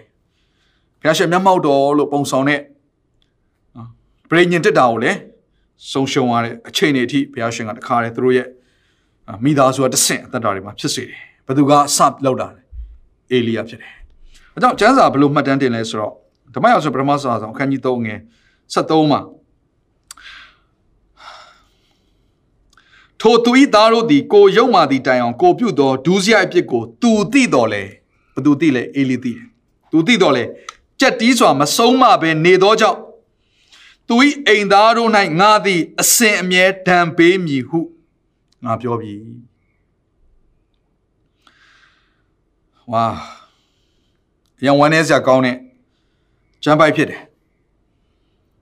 အဖေကအမှုလို့ဆို သားသမီးတွေကဒူးဆိုင်ထဲမှာသွားတဲ့ခါကျတော့အဖေကသိလားသိတယ်ဘယ်ထက်ကသိလားငငယ်တွေကသိတာပေါ့ကလေးဆိုတာကကြီးမဆိုးတာမဟုတ်ကြီးမနော်ဆိုးလာတဲ့အရာအားလုံးဟာငငယ်ကလေးကတင်ပေးခဲ့တဲ့အရာနဲ့ဆိုင်တယ်ဒါကြောင့်လည်းကျမ်းစာတစ်ချက်ကပါပြောတယ်တငယ်သွားရလမ်းဝမှာဆုံးမပါကြီးတဲ့ခါမှာထိုလမ်းကမလဲလိုက်သားမယ်နော်အင်္ဂလိပ်လိုဆိုတော့သူကရွေးစရာရှိလာတဲ့ခါမှာတဲ့ဘယ်ရာကိုသူရွေးမလဲဆိုတာကိုငငယ်တွေကတခါလေးသင်ပေးပါခုအေလိယသားတွေက ကြီးလာတဲ့ခါမှာဒူးဆိုင်လမ်းကိုရွေးသွားတယ်ငငယ်ကလေးကဘုရားရှင်လမ်းတွေကိုမသင်ပေးလို့ပေါ့ငငယ်ကလေးကသိတယ်သင်ပေးလို့ရအချိန်ကလေးကသိပေမဲ့မသင်ပေးတဲ့ခါမှာကြက်တီးဆိုတာဆုံးမလို့ရအချိန်ကလေးကကြက်တီးဆိုတာမဆုံးမတဲ့ခါမှာဆုံးမလို့မရတော့တဲ့လူကြီးရွယ်ရောက်လာတဲ့ခါမှာအမင်္ဂလာဟာထိုဒူးဆိုင်တွေကဆင်ရောက်လာတော့တယ်ဒါကြောင့်ကျွန်တော်ပြောမယ်ဖခင်နေကျွန်တော်တို့ငယ်ရွယ်တဲ့သားသမီးတွေရှိတဲ့ခါမှာထုံဘလောက်ပဲငင်းငင်းဘုရားရှင်နီးနန်းတွေကိုကျွန်တော်တို့ဆုံးမဖို့လိုတယ်ဆိုတော့သဘောပေါက်စေချင်ပါတယ် နော်ဒီနေ့ညနေနော်3နာရီကျွန်တော်အစီအစဉ်မှာတော့ဒီကလေးငယ်တွေကိုဘယ်လိုပုံစံလက်တွေ့အဲတုံသင်မလဲဆိုတဲ့အရာလေးကိုကျွန်တော်နောက်ကဘက်တော်နဲ့ပြန်လည်ပြီးတော့နော်အချက်9ချက်အပြင်ပြန်လည်ပြီးတော့အသေးစိတ်ပြောပြမှာဖြစ်တယ်ဆိုတော့ဒါတော့ဒုတိယပိုင်းပေါ့နော်လိုအပ်တဲ့ခါကျရင်ကျွန်တော်အာကျွန်တော်စီမှာပြောစရာအများကြီးပဲဒါကြောင့်မလို့နောက်ပိုင်းဖျားရှင်အခွင့်ပေးတဲ့အချိန်ကျရင်တတိယပိုင်းအနေနဲ့လည်းကျွန်တော်ဆက်ပြီးပြောသွားမှာဖြစ်တယ်တော်တော်လည်းပဲဒီနေ့မှာတော့နော်ဒီအပိုင်းနှစ်ပိုင်းအားဖြင့်ကိုယ့်ရဲ့အရိုက်အရာကိုယ့်ရဲ့လုပ်ငန်းတာဝန်တွေကိုသိတဲ့အပြင်ကိုယ့်ရဲ့သားသမီးတွေကိုဘယ်လိုတုံသင်ရမလဲဆိုတဲ့အရာကိုလည်းကျွန်တော်တို့ ပို့ပြီးတော့နားလည်ဖို့ဖြစ်ပါတယ်ကဲဟုတ်ပြီကျွန်တော်နော်ဒီနှုတ်ကပတ်သုံးသင်ခြင်းဆိုအရာကိုပြီးသွားတဲ့ခါမှာနော်ဒါ direct ပေါ့နှုတ်ကပတ်တော်အဖြစ် direct လမ်းညွှန်ပေးခြင်းဘယ်အရွယ်တွေကလဲငယ်စဉ်အရွယ်ကလေးကလမ်းညွှန်ပေးခြင်းဆိုတဲ့အရာကိုကျွန်တော်သဘောပေါက်သွားခုနံပါတ်3ချက်အလုတ်တောင်းဝင်ဖြစ်တဲ့ Ministry of King နော် so ရှင်ဘုရင်ဆိုတာကသူ့ရဲ့နောက်ထပ်ရှင်းလင်းတဲ့စကားလုံးတစ်ခုပြောမယ်ဆိုရင်သူက govern ဆိုတဲ့အုပ်ချုပ်ခြင်းကိုလုပ်တာဖြစ်တယ် governor ဆိုတဲ့စကားလုံးနဲ့အတူတူပဲနော်သူသဘောတရားက governor တစုံတယောက်တော့သူ့ကိုကိုစားပြုပြီးတော့သူ့ကိုစားသူအုပ်ချုပ်ပေးရတာအထူးသဖြင့်ကျွန်တော်တို့ဒါဒီလောကမှာရှိနေတဲ့ချိန်မှာကိုယ့်ရဲ့တခြားဘယ်နေရာမှမရှိနေဆိုကိုယ့်ရဲ့အိမ်မှာတော့ကိုကအမျိုးသားတွေအထူးသဖြင့်ဒါရှင်ဘုရင်ရဲ့အရာအရာကိုရထားပြီးသားသူတွေဖြစ်တယ်အိမ်တော်ဦးစီးလို့လည်းကျွန်တော်တို့ဒါသုံးတယ်နော်ကျမ်းစာရဆိုရင်အမျိုးသမီးရဲ့ဦးခေါင်းဒါအိမ်ဒီအိမ်ရဲ့ခေါင်းဆောင်ဖြစ်တယ်ဒါဆိုရင်သူ့ရဲ့အလုပ်ကပါလေရှင်ဘုရင်ရဲ့အလုပ်က govern ဆိုတဲ့အုပ်ဆိုးခြင်းဆိုတဲ့အရာကိုလုပ်ရတာအုပ်ချုပ်ခြင်းဆိုတဲ့အရာကိုလုပ်ရတာ တော့ကျွန်တော်တို့ဆောစောကလည်းကျွန်တော် intro မှာပြောသွားသလိုပဲနော်တင်းဥစ္စာတယောက်ကိုရွေးမယ်ဆိုရင်တင်းဟောက်တယောက်ကိုရွေးမယ်ဆိုရင်သူ့ရဲ့အိမ်ကိုကောင်းမွန်စွာသူအုပ်ချုပ်နိုင်သလားအင်္ဂလိပ်လိုဆိုရင်တော့ manage well rules well တေချာသူအုပ်ဆိုးခြင်းအုပ်ချုပ်ခြင်းအမှုရောက်သူလှုပ်ဆောင်နိုင်သလားနောက်တစ်ခုကနော်ကျွန်တော်ဒီကျမ်းစာလေးဖတ်ချင်ပါတယ်တိတိခန်းကြီး၃ငယ်လေးမှာမိမိအိမ်ကိုကောင်းမွန်စွာအုပ်ဆိုး၍တမာတတိရှိသည်နှင့် မိမိသားသမီးကိုဆုံးမနိုင်တော်သူဖြစ်ရမည်ဆိုမိမိသားသမီးကိုဆုံးမနိုင်တော်သူဆိုတဲ့ဒီစကားလုံးလေးရေးထားတဲ့အခါမှာအင်္ဂလိပ်လိုဆိုရင် submission with all reverence ကလေးစားခြင်းကြည်ညိုခြင်းနဲ့ဝန်ခံတာကိုပြောတာနောက်တစ်စကားလုံးက obey with manner worthy of full respect တကယ့်ကိုယိုသေးလေးစားခြင်းအပြည့်ရှိတဲ့အမှုအကျင့်မျိုးနဲ့သားသမီးတွေကဝန်ခံတာတဲ့ဇနီးတွေရောပါတယ်ဒါဆိုရင်နော်အခုကျွန်တော်တို့အိမ်ကိုဘယ်လိုပုံစံနဲ့အုပ်ဆိုးနေလဲ အလုပ်ထဲမှာရှိတဲ့အလုပ်ထဲမှာရှိတဲ့ဒီနော်အလုပ်ရှင်ပုံစံမျိုးအုပ်ဆိုးနေလား boss ဆိုတဲ့စကားလုံးလေးနဲ့ leader ဆိုတဲ့စကားလုံးလေးကွဲပြားခြားနားမှုကိုကျွန်တော်တို့ internet တွေမှာဆိုအရင်ပြောကြတယ်နော် leader ကတော့အတူမောင်းနေတော်သူဖြစ်တယ်အရှိကနေဦးဆောင်တော်သူဖြစ်တယ် boss ဆိုတာကတော့ခိုင်းနေသူဖြစ်တယ်ဒီလိုပုံစံမျိုးပေါ့အဲ့တော့ boss ပုံစံမျိုးကဖြစ်နေသလားကိုယ့်ရဲ့သားသမီးကကိုယ့်ကိုနားထောင်တယ်သူကရိုက်ခံရမှာဆိုလို့ကြောက်လို့ဇနီးတွေကလည်းကိုယ့်ကိုမတွန်းလှန်နိုင်လို့အောင်အီးပြီးတော့ ခါတယ်ဝန်ခံနေရတာလားကျမ်းစာတော့ဘယ်လိုပြောလဲဆိုတော့ manage well the rules well ဆိုတဲ့ကောင်းမွန်စွာအုပ်စိုးနိုင်ခြင်းဆိုတဲ့အရာကသူ့အိမ်မှာရှိသောသူတွေဟာကြောက်ရွံ့ခြင်းယိုသေးခြင်းချစ်ခြင်းနဲ့နော် reverence the worthy of full respect ကဲကိုယိုသေးလေးစားတဲ့အမှုအကျင့်တွေနဲ့ဝန်ခံကြတာဖြစ်တယ်မတက်တာလို့ခါတယ်ငါတို့ကိုကြွေးထားမွေးထားတို့အိမ်ပေါ်တင်ထားတို့ပတ်စံငွေကြစ်ထောက်ပံ့နေလို့ငါတို့ထက်အကောင်ကြီးလို့ဗလာကြီးလို့ ငါတို့ကိုရိုက်မှာဆိုလို့ဆိုပုံစံမျိုးနဲ့ဝန်ခံတာမဟုတ်ဘူးဒါကြောင့်မလို့ manage well တကယ်ပဲသင်ဟာသင်ရဲ့မိသားစုကိုဥဆောင်နိုင်ပြီလားနော်ဒီနှုတ်ကပတ်ကျမ်းစာထဲမှာကတင်းထောက်ဆိုတင်းထောက်ဒီမရတယောက်တည်းရှိရမည်မိမိသားသမီးနဲ့အိမ်သူအိမ်သားတို့ကိုကောင်းမွန်စွာအုပ်ချုပ်တော်သူဖြစ်ရမည်အငယ်၁၂မှာတူတူပဲမိမိသားသမီးနဲ့အိမ်သူအိမ်သားတို့ကိုကောင်းမွန်စွာအုပ်ချုပ်တော်သူဖြစ်ရမည်ဆိုတော့ကိုယ့်ရဲ့အိမ်ကိုမအုပ်ချုပ်နိုင်မဲနဲ့ကောင်းမွန်စွာမစီမံနိုင်မဲနဲ့ကိုယ့်အိမ်မှာရှိတဲ့လူတွေကဆိုကိုယ့်ကိုမလေးစားဘဲနဲ့ကိုယ့်ကိုမချစ်ဖဲနဲ့ ဘလို့လို့အသင်းတော်ကလူတွေကကိုယ့်ကိုချစ်လာမလဲ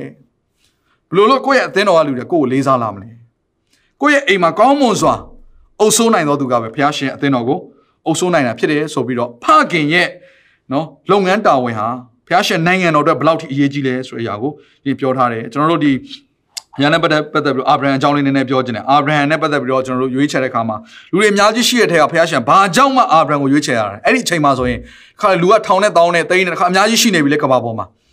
ဟာအာဗြဟံကိုဘာကြောင့်ရွေးချယ်ရတာသူ့မှာဘာမှခလေးမှလည်းမရှိပဲနဲ့ဒါပေမဲ့ထူးခြားတဲ့ຢာတစ်ခုကအာဗြဟံဆိုတဲ့အာဗြဟံဆိုတဲ့နာမည်ဘုရားမပြောင်းခင်မပြောင်းခင်မှာအာဗြဟံဆိုတဲ့နာမည်ကိုကဘာလဲဆိုတော့သူရဲ့အတိတ်ဘယ်ကိုကသူက exalted father ချီးမြှောက်ခံရတော့ဖခင်သူကခလေးသာမရှိတာနာမည်ကဖခင်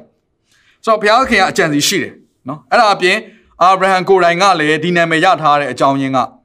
သူ့ရဲ့နော်အသက်ရှင်မှုမှာ ဖခင်တယောက်ရဲ့အသက်ရှင်မှုမျိုးဆိုတဲ့အရာကိုရှိခဲ့တယ်ဆိုတဲ့သဘောတရားကျွန်တော်တွေ့ရတယ်။ဘာကြောင့်လဲဆိုတော့သူ့မှာသားမရှိပေမဲ့သူကသူ့ရဲ့တူလောတာကိုသူကနော်လက်ခံပြီးတော့ခေါ်လာတယ်ဘုရားသခင်ခေါ်တဲ့အချိန်မှာနောက်တစ်ခုကသူကလောတာနဲ့ကိစ္စပြဿနာတွေဖြစ်တိုင်းမှာသူကလူကြီးဖြစ်ပေမဲ့လေသူ့ရဲ့ဦးလေးဖြစ်ပေမဲ့လေဒါအရှိလေပိုင်းရဲ့ထုံထုံနှန်းစင်လာရဆိုကျွန်တော်အာရှနဲ့နည်းနည်းဆင်တယ်အဲ့ဒါပါလဲဆိုလူကြီးတွေကိုပေါ့နော်ဒါအနောက်နိုင်ငံတွေလိုပုံစံမဟုတ်ဘူးအမေရိကလိုမဟုတ်ဘူးဒါလူကြီးသူမကိုတကယ်ရိုသေခြင်းလေးစားခြင်းဆိုတဲ့အရာဟာ ဥညွတ်ခြင်းဆိုတဲ့အရာဟာဒါသူတို့ practice လုပ်တဲ့အလေးချင်းတစ်ခုဖြစ်တယ်အရှိလေပိုင်းရဲ့ culture တစ်ခုပေါ့နော်ဆိုတော့ဒီအရာအားလုံးဘယ်ကပေါက်ဖွားလဲအခုဒီအာဗြဟံတို့ဒီအတိုင်းဝိုင်းကနေပေါက်ဖွားလာတဲ့အရာတွေကြီးပဲလေအရှိလေပိုင်းမှာဆိုတော့အဲ့တော့လူကြီးတွေကိုလေးစားတဲ့အရာဒီလောက်ရှိတဲ့အချိန်မှာပင်လေနော်သူ့ရဲ့တူလောတာကသူကြိုက်တဲ့နေရာကိုသူရွေးခွင့်အာဗြဟံပေးလိုက်တယ်တကယ်တော့အာဗြဟံငါလူကြီးငါရင်ရွေးမယ်ဆွဲစကားမျိုးပြောမယ်ဆိုပြောလို့ရတယ်ဒါပေမဲ့ तू အဲ့လိုမလုပ်ဘူး तू ကဖခင်တယောက်ရဲ့နှလုံးသားနဲ့လောတာကိုအရင်ဆုံးဦးစားပေးရတယ်မင်းကြိုက်တဲ့နေရာကိုရွေးပါ အတူမလင်ရတော့ဘူးဆိုတာလေသိရတဲ့အတွက်ကြောင့်မလို့လေမင်းသွားတဲ့နေရာနဲ့ဆန့်ကျင်ဘက်ကိုငါသွားမယ်ဆိုတော့ပြောရမယ်ဆိုရင်ခွဲခွာရမယ်အချိန်မှပင်လင်အာဗြဟံကဘာနဲ့ခွဲခွာလဲဆိုရင်ကောင်းကြီးပေးခြင်းနဲ့ခွဲခွာတယ်နော်သူကနှိမ့်ချခြင်းနဲ့ခွဲခွာဆိုတော့ဘာကိုပြောနေလဲအာဗြဟံရဲ့နှလုံးသားဖခင်နှလုံးသားရှိတယ်ဆိုတော့ဒါဟာနော်သူ့ရဲ့သူ့ရဲ့တူဖြစ်တဲ့လောတာကိုခေါ်လာရတဲ့အကြောင်းအရာတစ်ခုပေါ့နော်လှုပ်ဝက်ချက်တစ်ခုလည်းဖြစ်နေဆိုတော့ကျွန်တော်တို့နားလဲရတယ်ဆိုတော့နောက်ဆုံးမှဒါအားလုံးသိပါတယ်နော်ဟိုလောတာကိုခေါ်လာကြတဲ့ကတခါလေလောတာမှာ နော်သူနဲ့သက်ဆိုင်တဲ့တခါကြုံနေတခါလေတခါမယားတခါခုနောက်ကျသမီးနော်တရားတွေရှိလာတဲ့ခါကျတော့နော်သူတို့ရဲ့နော်မိသားစုတစ်ခုလုံးကိုအာဗြဟံက နော်ပြောမဆုံးမိသားစုဒီမိသားစုတစ်ခုနဲ့စိုးခြင်းကောင်းခြင်းစီအားလုံးကိုသူကလက်ခံတဲ့သဘောရှိတယ်နောက်ဆုံးလောတနေတဲ့ဒီတောတုံနဲ့ခေါင်းမိုးတာတောတုံမျိုးနော်ဘုရားသခင်ကတရားစီမဲလို့လုပ်တဲ့အချိန်မှာပဲလင်အာဗြဟံရဲ့နှလုံးသားအံ့ဩစရာကောင်းတယ်တခါတည်းအဲ့မျိုးကိုမစင်ပါနဲ့မှန်တယ်စိုးမှန်းသိတယ်ဘုရားသခင်ကနော်ဘုရားဘုရားသခင်ရဲ့တဆွမ်းနိုင်ကျွန်တော်သူသဘောပေါက်တယ်ဘုရားသခင်အလိုနဲ့မညီဘူးဆိုတာသိပေမဲ့လေဟာဒူးစရိုက်တွေပြုတ်နေတယ်ဆိုတာသိပေမဲ့လေဖခင်နှလုံးသားတော့ပြောင်းမသွားဘူး ဒါကြောင့်လည်းဘုရားသခင်သူ့ကိုနာမည်ပြောင်းပေးလိုက်တယ်ဘာနာမည်လဲအရန်လက်သူနဲ့အရန်လိုက်တဲ့နာမည် Abraham father of multitude လူမျိုးပေါင်းတို့ရဲ့ဖခင်ဖြစ်မယ် hallelujah အဲတော့ကျွန်တော်တို့ဒီကျွန်တော်တို့ဟာဒီဂလာတိနော်ဩဝါဂလာတိကျမ်းစာကိုကျွန်တော်ဖတ်လိုက်တဲ့အခါကျတော့နော်ကျွန်တော်ဘာဘာသဘောပေါက်လဲဆိုတော့နော်ယေရှုခရစ်တော်ကြောင့်ယုံကြည်ခြင်းအပြင်ကျွန်တော်တို့ကအာဗြဟံရဲ့အမျိုးတွေဖြစ်ကြတယ်ကျွန်တော်တို့ကဒါဆိုရင်ဘုရားသခင်အာဗြဟံကိုစရွေးကြတဲ့ကကျွန်တော်တို့အတွက်အကြံစီရှိထားပြီးသားဖြစ်တယ် အဲကြောင့်ဘုရားသခင်ဘယ်လိုလူမျိုးကိုရွေးလဲဖခင်နှလုံးသားဖခင်တယောက်ဖြစ်ခြင်းအဲ့ဒါကိုကြည့်ပြီးရွေးတာဖြစ်တယ်ဆိုတော့ဒါဆိုရင်ဖခင်တယောက်ရဲ့အလောက်ကဘာလဲဆောဆောကျွန်တော်တို့အပေါ်ကပြောခဲ့တဲ့ຢာတွေအားလုံးကျွန်တော်သိပြီးသွားပြီကဲဟုတ်ပြီဒါဆိုရင်အာဗြဟံအဲ့အလုပ်တွေကိုလုပ်မလားဘုရားသခင်ကဘာပြောဆိုငါကြိုသိတယ်ငါသိတယ်เนาะဒီຢာလေးကိုကျွန်တော်စမ်းစာဖတ်ရအောင်ကပောက်ကျမ်းခန်းကြီး18အငယ်16ကနေ19မှာထာဝရဘုရားသည်လည်းငါပြုမိအမှုကိုအာဗြဟံအားမဖော်မပြပဲဟွက်ထားရမည်လောအာဗြဟံသည် ကြီးမြတ်၍တကိုးနှင့်ပြည့်စုံသောလူမျိုးများဖြစ်လိမ့်မည်လူမျိုးပေါင်းတို့သည်သူ့အပြင်ကောင်းကြီးမင်္ဂလာကိုခံရကြလိမ့်မည်အကြောင်းမူကားသူသည်မိမိနောက်၌ဖြစ်သောသားများအိမ်သူများတို့အားပြည့်ညတ်မိအရာကိုငါသိသူတို့သည်လည်းထာဝရဘုရား၏တရားလမ်းသို့လိုက်၍ဟုတ်မှန်ဖြောင့်မတ်စွာကျင့်ကြလိမ့်မည်တို့ဖြစ်၍ဂတိတော်ရှိသည့်တိုင်ထာဝရဘုရားသည်အာဗြဟံ၌ပြုအပ်သောအခွင့်ရှိလိမ့်မည်ဟုအကြံတော်ရှိဒါဘုရားသခင်အကြံစီဖြစ်တယ်ဆိုတော့ဘုရားသခင်အကြံစီတော်ထဲမှာဘုရားကဘာပြောလဲဆိုတော့ I know him တဲ့ ငါသူ့ကိုသိတယ်ဒါဆိုဘုရားဘာသိလဲသူ့ရဲ့အိမ်သူအိမ်သားတွေကိုတဲ့ငါရဲ့တရားလမ်းကိုလိုက်ဖို့အတွက်သူပြည့်ညတ်မယ်ဆိုငါသိတယ်အင်္ဂလိပ်စကားလုံးကဆိုပို့ပြီးတော့ကောင်းတယ် command နဲ့ command ဆိုတာကဒါအမိတ်ပေးခြင်းဆိုရယ်နော်စစ်တပ်အတုံးနှုံးကလာတာဖြစ်တယ် command အဲ့တော့ကြက်ဒီဆိုတာဆုံးမခြင်း तू လုံးမယ်ဆိုငါသိတယ်ငါရဲ့တရားလမ်းကိုလိုက်ပြီးတော့ဖြောင်းမဆိုတာကျင့်ဖို့ तू ဥဆောင်လိမ့်မယ်ဒါကြောင့်ဖခင်တယောက်ရဲ့မူလလုပ်ငန်းတာဝန်နော် ဘုရားရှင်ကဖခင်တယောက်အနေနဲ့အယက်ရာအခုဒါအာဗြဟံဖခင်ရရပေးလိုက်တာလေလူမျိုးပေါင်းနဲ့ဖခင်ဆိုအယက်ရာယူပေးပလိုက်တာဒါဘု து ကိုကိုစားပြုရလဲဘုရားကိုကိုစားပြုတာဒီကောင်းကြီးမင်္ဂလာကိုရတဲ့အချိန်မှာအာဗြဟံဘာလုပ်လဲသူ့ရဲ့သားသမီးတွေကိုဘုရားသခင်လမ်းထဲကနေမလွဲမသွေလိုက်တော့ပြီးတွန့်တယ်နောက်ဆုံးသူ့ရဲ့သားဣဇက်ကိုတခါမိမပေးစားတဲ့အရာမှာပင်လင်ဘုရားသခင်ကိုကြောက်ရွံ့ခြင်းဆိုတဲ့အရာကိုလှုပ်ဆောင်နေဆိုတော့ကျွန်တော်ကျမ်းစာဖတ်ခြင်းအပြင်ကျွန်တော်တို့သိရတယ်ကျွန်တော်တို့ဒါကြောင့်မလို့ဖခင်တယောက်ရဲ့အလုံးငန်းတောင်ကိုလှုပ်ကြပါကျွန်တော်အခုနောက်ဆုံးဒီကျမ်းစာလေး နှစ်ပိုက်ကိုကျွန်တော်ဖတ်ပြီးတော့အားလုံးကိုသတိပေးခြင်းတယ်။ဘာကြောင့်လဲဆိုတော့အဲ့ဒီလုပ်ငန်းတာဝန်တွေကိုဖခင်အရာရာကိုရထားသောသူတွေကအဲ့ဒီဖခင်ပေးထားတဲ့ဖခင်နဲ့ဆိုင်တဲ့အလုပ်တွေကိုမလုပ်ဘူးဆိုရင်ဘာဖြစ်မလဲ။ဒီကျမ်းပိုက်လေးဖတ်ခြင်းတယ်။မာလခိခန်းကြီးနှစ်ငယ်9ယေဘရဟိတ်နှခမ်းသည်ပညာကိုစောင့်ရမည်သူ၏နှုတ်သည်သူ၏နှုတ်၌လူတို့သည်တရားတော်ကိုရှာရကြမည်အကြောင်းမူကားသူသည်ကောင်းငင်ဘိုးချေရှင်ထာဝရဘုရားစေလွတ်တော်မူသောတမန်ဖြစ်၏ ဆောစောကျွန်တော်ပြောခဲ့ယေဘရဟိတ်ဖြစ်ခြင်းပရောဖက်ဖြစ်ခြင်းရှင်ဘုရင်ဖြစ်ခြင်းဘုရားရှင်ရဲ့ရွေးချယ်ထားသောသူကဘာလုပ်ရလဲဒီမှာဆိုရင်တိတိကျကျယေဘရဟိတ်တယောက်ရဲ့အလုပ်ကဘာလဲဆိုတာသူ့ရဲ့နှကန်းဟာပညာကိုစောင့်ရမယ်တဲ့သူ၏နှုတ်၌လူတို့သည်တရားတော်ကိုရှားမယ်ဆိုတော့သူကသူ့ရဲ့နှုတ်ရှာပါးကိုသုံးပြီးတော့ဘုရားရဲ့တရားတော်ကိုသူကတွင်တရားမယ်လို့ယေဘရဟိတ်တယောက်ရဲ့အလုပ်ဖြစ်တယ်ဖခင်တယောက်ရဲ့အလုပ်ဖြစ်တယ်ကဲဒါသူ့ရဲ့အလုပ်ကိုသူလုပ်တယ်ကဲမလုပ်ဘူးဆိုဘာဖြစ်မလဲဟောရှေခန်းကြီး၄အငယ်6 ငါလူတို့သည်ပညာနည်းသောကြောင့်ဆုံးရှုံးကြ၏ဘယ်ရာကိုပြောနေတာလဲဆော့ဆော့ပြောတယ်ပညာပဲယေဘရဟိတ်နှခမ်းသည်ပညာကိုစောင့်ရမည်သူဤနှုတ်နဲ့လူတို့ဒီတရားတော်ကိုရှားကြမယ်အဲ့ဒီပညာကိုပြောတာဒီလောကသင်ပေးတဲ့သိပ္ပံပညာဒီလောကသင်ပေးတဲ့ကဘာနော်ဘာသာဒီဘာသာရက်တွေကိုပြောနေတာမဟုတ်ဘူးဖျားသခင်ရဲ့ပညာကိုပြောနေတာဖြစ်တယ်ဖျားကိုတိကျွမ်းခြင်းပညာကိုပြောနေတာဖြစ်တယ်ငါလူတို့ဒီပညာနေသောကြောင့်ဆုံးရှုံးကြ၏ဖျားကိုတိကျွမ်းခြင်းမရှိတဲ့အတွက်ကြောင့်မလို့ဆုံးရှုံးတာဒါကြောင့်သင်မိသားစုမဆုံးရှုံးဖို့ရန် အရေးကြီးဆုံးအရာတစ်ခုကဖျားရဲ့နှုတ်ကပတ်တော်ကိုဖခင်ကတုံသင်ခြင်းဖြစ်တယ်သင်ဒီပညာကိုပယ်သောကြောင့်ငါယေဘရဟိအဖြစ်သို့မရောက်စေခြင်းကသင်ကိုငါပယ်မည်ဖះကိုပယ်တဲ့လူကိုဖះကဘာလုပ်လဲသင်ကိုငါပယ်မယ်အဲ့ဒါအပြင်အဲ့လောက်နဲ့ရက်သွားလားမရက်သွားဘူးသင်ဖះသခင်သင်ဖះသခင်တရားကိုသင်မေ့လျော့သောကြောင့်သင်ဤသားသမီးတို့ကိုငါမေ့လျော့မည်ဝါဒါဟာအေလီနဲ့သူ့ရဲ့သားရဲ့အသက်တာတွေမှာဖြစ်ဖြစ်ခဲ့တဲ့အဖြစ်ပြက်အတိအကျပဲဖြစ်တယ်ဒါပေမဲ့ဒီဟာဘယ်မှာရေးထားရလဲပရောဖက်ပြုချက် တွေကိုနော်စူးစီးထားတဲ့ကျမ်းစာတွေမှာရေးထားတာဖြစ်တယ်ကျွန်တော်တို့ရဲ့အချိန်ကာလကိုကြိုပြီးတော့ပြောနေတာဖြစ်တယ်ဒါကိုလည်းနားလည်စေချင်တယ်နော်ဘုရားခင်ရွေးချယ်ထားတော့ကျွန်တော်တို့ယေဘရဟိအမျိုးမင်းစည်းစိမ်ရှိသောယေဘရဟိအမျိုးဒါမျိုးကျွန်တော်တို့ပြောပိုင်ထိုင်တော်မူသောအပေါင်းအသင်းလို့ကျွန်တော်ပြောကြတန်ရှင်းသောလူမျိုးကျွန်တော်ပြောကြဒါပေမဲ့ကျွန်တော်တို့ကအဲ့ဒီဖြစ်ချင်းဆိုအရာပါလိုက်အလုတ်ပါတစ်ခါတည်းပါလာတယ်တန်ရှင်းသောလူမျိုးဆိုတန်ရှင်းသောအကျင့်နဲ့အလုပ်လုပ်ရမယ်တန်ရှင်းတဲ့စကားကိုပြောရမယ်တန်ရှင်းသောဘုရားရှင်နီးလန်းတွေကိုကျွန်တော်တုံသင်ပေးရမယ် ဘုရားရှင်ယေဘရဟိမင်းစည်းစိမ်ရှိသောယေဘရဟိအမျိုးဖြစ်တယ်ဆိုရင်မင်းစည်းစိမ်ရှိသောယေဘရဟိအမျိုးနဲ့ထိုက်တန်သောတရားကိုကျွန်တော်တို့ကကိုယ့်သားသမီးတွေကိုနောက်မှာရှိသောသူကိုတုံသင်ပေးရမယ်သင်တော်မှာလည်းအတူတူပဲဒီကျွန်တော်တို့အဲ့လိုမလုပ်ဘူးဆိုရင်သင်ရဲ့သားသမီးကိုငါမေးလျောမယ်တရားဟောကြံခန်းကြီး28မှာကောင်းကြီးမင်္ဂလာနဲ့ကြိမ်ချင်းတစ်ခုခွဲပြထားတယ်ငါရဲ့တရားလမ်းကိုလိုက်တဲ့သူကဒီကောင်းကြီးရမယ်တရားလမ်းကိုစွန့်ပယ်သောသူကကြိမ်ချင်းအဲ့ကြိမ်ချင်းထဲမှာဘာပါလဲအငယ်57မှာသားသမီးကိုဖွားမြင်တော်လဲသူတို့နဲ့မပျော်မွေ့ရရန်သူတို့သည်တိမ်သွားကြလိမ့်မည် ကိုသားသမီးတွေနဲ့အတူ enjoy ဆိုတဲ့အရာမလောက်ရသောအရာသည်မိသားစုပုံမှာတက်ရောက်နေကြိမ်ချင်းဖြစ်တယ်ကိုကိုပြန်ပြီးတော့မေးကြပါစမ်းစစ်ကြပါကိုမိသားစုကိုမိမိရဲ့သားသမီးတွေကိုဖွားမြင်ပေမဲ့သူတို့နဲ့အတူပျော်မွေ့ရတဲ့ခွင့်ကိုမရဘူးအဲ့တော့သားသမီးတွေဟာသင်တို့အတွက်ကောင်းကြီးမင်္ဂလာလား blessing or burden ကောင်းကြီးမင်္ဂလာလားဝန်တော့ဝန်ပိုးလားဘုရားကတော့ကောင်းကြီးမင်္ဂလာနေနဲ့အမွေပေးတာဖြစ်တယ် သင်တို့အတွက်ဝန်တော့ဝန်ပိုးဖြစ်လာတယ်ဆိုရင်နည်းနည်းမှားနေပြီသင်ကိုယ်တိုင်ကဘုရားဘက်ကိုပြန်လှည့်ဖို့လိုတယ်ဘာကြောင့်လဲသားသမီးတို့တော့အပြစ်တင်လို့မရဘူးသားသမီးတွေကနော်ကျွန်တော်တို့တွန်တင်တာထက်သူတို့ကမြင်နဲ့ကြားတဲ့အသက်ရှင်ခြင်းကိုပို့ပြီးတော့အတူယူကြတယ်မှန်တယ်ကျွန်တော်တို့ကတွန်တင်ရမယ်အဲ့တော့ဒီဟာလေးတွန်တင်စောကကျွန်တော်တွန်တင်မှာတွန်တင်မှာတော့ပြောရင်းကနေပြီးတော့အခုနော်တွန်တင်တာထက်မြင်ရကြားတဲ့အရာကိုသူတို့ကအတူယူကြမယ်လို့ပြောတဲ့အခါမှာကျွန်တော်ကနော်ဒီကျမ်းစာကိုကြောင်းမလို့ပြောတာဖြစ်တယ်အဲ့ဒါကစောစောဖတ်ခဲ့ပြီးတရားဟောကြံခန်းကြီး7ငယ်18ကနေ21မှာ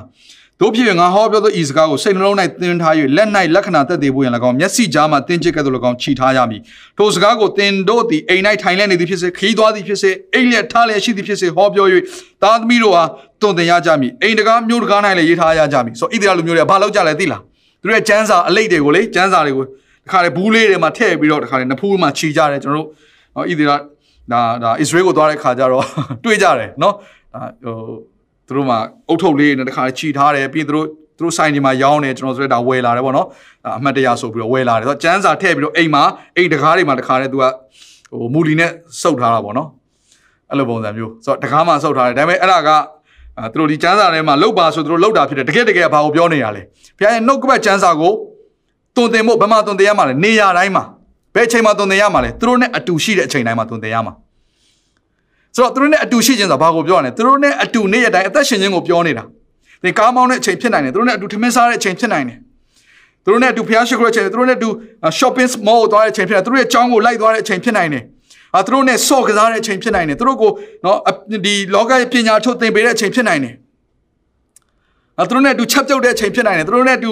အိမ်မှာရှိနေတဲ့အချိန်ဒါမှမဟုတ်အပြင်မှာရှိနေတဲ့အချိန်ဘယ်အချိန်ရှိလဲတဲ့နော်ကျန်းစာဒီလိုပဲရေးတာနော် ခရီးသွားလျက်ရှိသည်ဖြစ်စေအိတ်လျက်ရှိသည်ဖြစ်စေထားလျက်ရှိသည်ဖြစ်စေသင်တို့သားသမီးကတွန်တင်ရမည်ကိုဘေးနားမှာမရှိရင်တွန်တင်လို့မရဘူး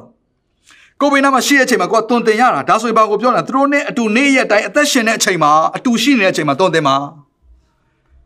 ဒါကိုပြောတာဒါဆိုရင်သင်ကအမြဲတမ်းသူတို့ကိုစကားပြောနေတာကိုလည်းပြောတာမဟုတ်တော့မှန်တယ်ပြောရမယ်ဒါပေမဲ့ဘာကိုပြောနေတာလဲသူတို့နဲ့အတူရှိတဲ့အချိန်တိုင်းမှာသင်အသက်ရှင်တဲ့ပုံစံအားဖြင့်သူတို့ကိုတွန်တင်မှာသ င်ကသင်ရဲ့ဇနီးတဲ့ကိုစကားပြောလိုက်တယ်ကလေးတွေကမှတ်ထားတယ်မြင်တယ်တနေ့သူတို့ဇနီးတဲ့ရလာရင်အဲ့လိုပုံစံအဲ့ဒါတက်ဆိုးတဲ့ຢာကိုသူတို့လုံနိုင်တယ်သင်ရဲ့အိမ်မှာသူတို့ကိုသင်က respect မပေးဘူးဂုဏ်မပြုဘူးမလေးမစားပြောမယ်ဒါမှမဟုတ်ဆဲတဲ့စကားမျိုးကအစပြောမယ်သူတို့ဘာလဲသူတို့ရဲ့ကြောင်းမှာသူတို့ရဲ့တငယ်ချင်းတွေအဲ့လိုပဲသူတို့ပြန်ပြီးတုံ့ပြန်နောက်ဆုံးသူတို့ရဲ့ဆရာဆရာမများကိုပြင်မလေးစားသောကလေးတွေရိုင်းသောကလေးငယ်များနော်အမှုအကျင့် ခက်ထန်ကြမ်းတတ်သောကလေးငယ်များသိမိသားစုရပေါ်ထွက်သွားနိုင်တယ်ဒါကြောင့်မလို့ကျွန်တော်အားပေးခြင်းတယ်ဒီကောင်မောင်တို့နော်သူဖြင့်ဖခင်များသင်ရဲ့ဇနီးတဲ့ကိုပြုမှုနေတဲ့ပြောဆိုနေတဲ့အမှုကျင့်နေတဲ့အတိုင်း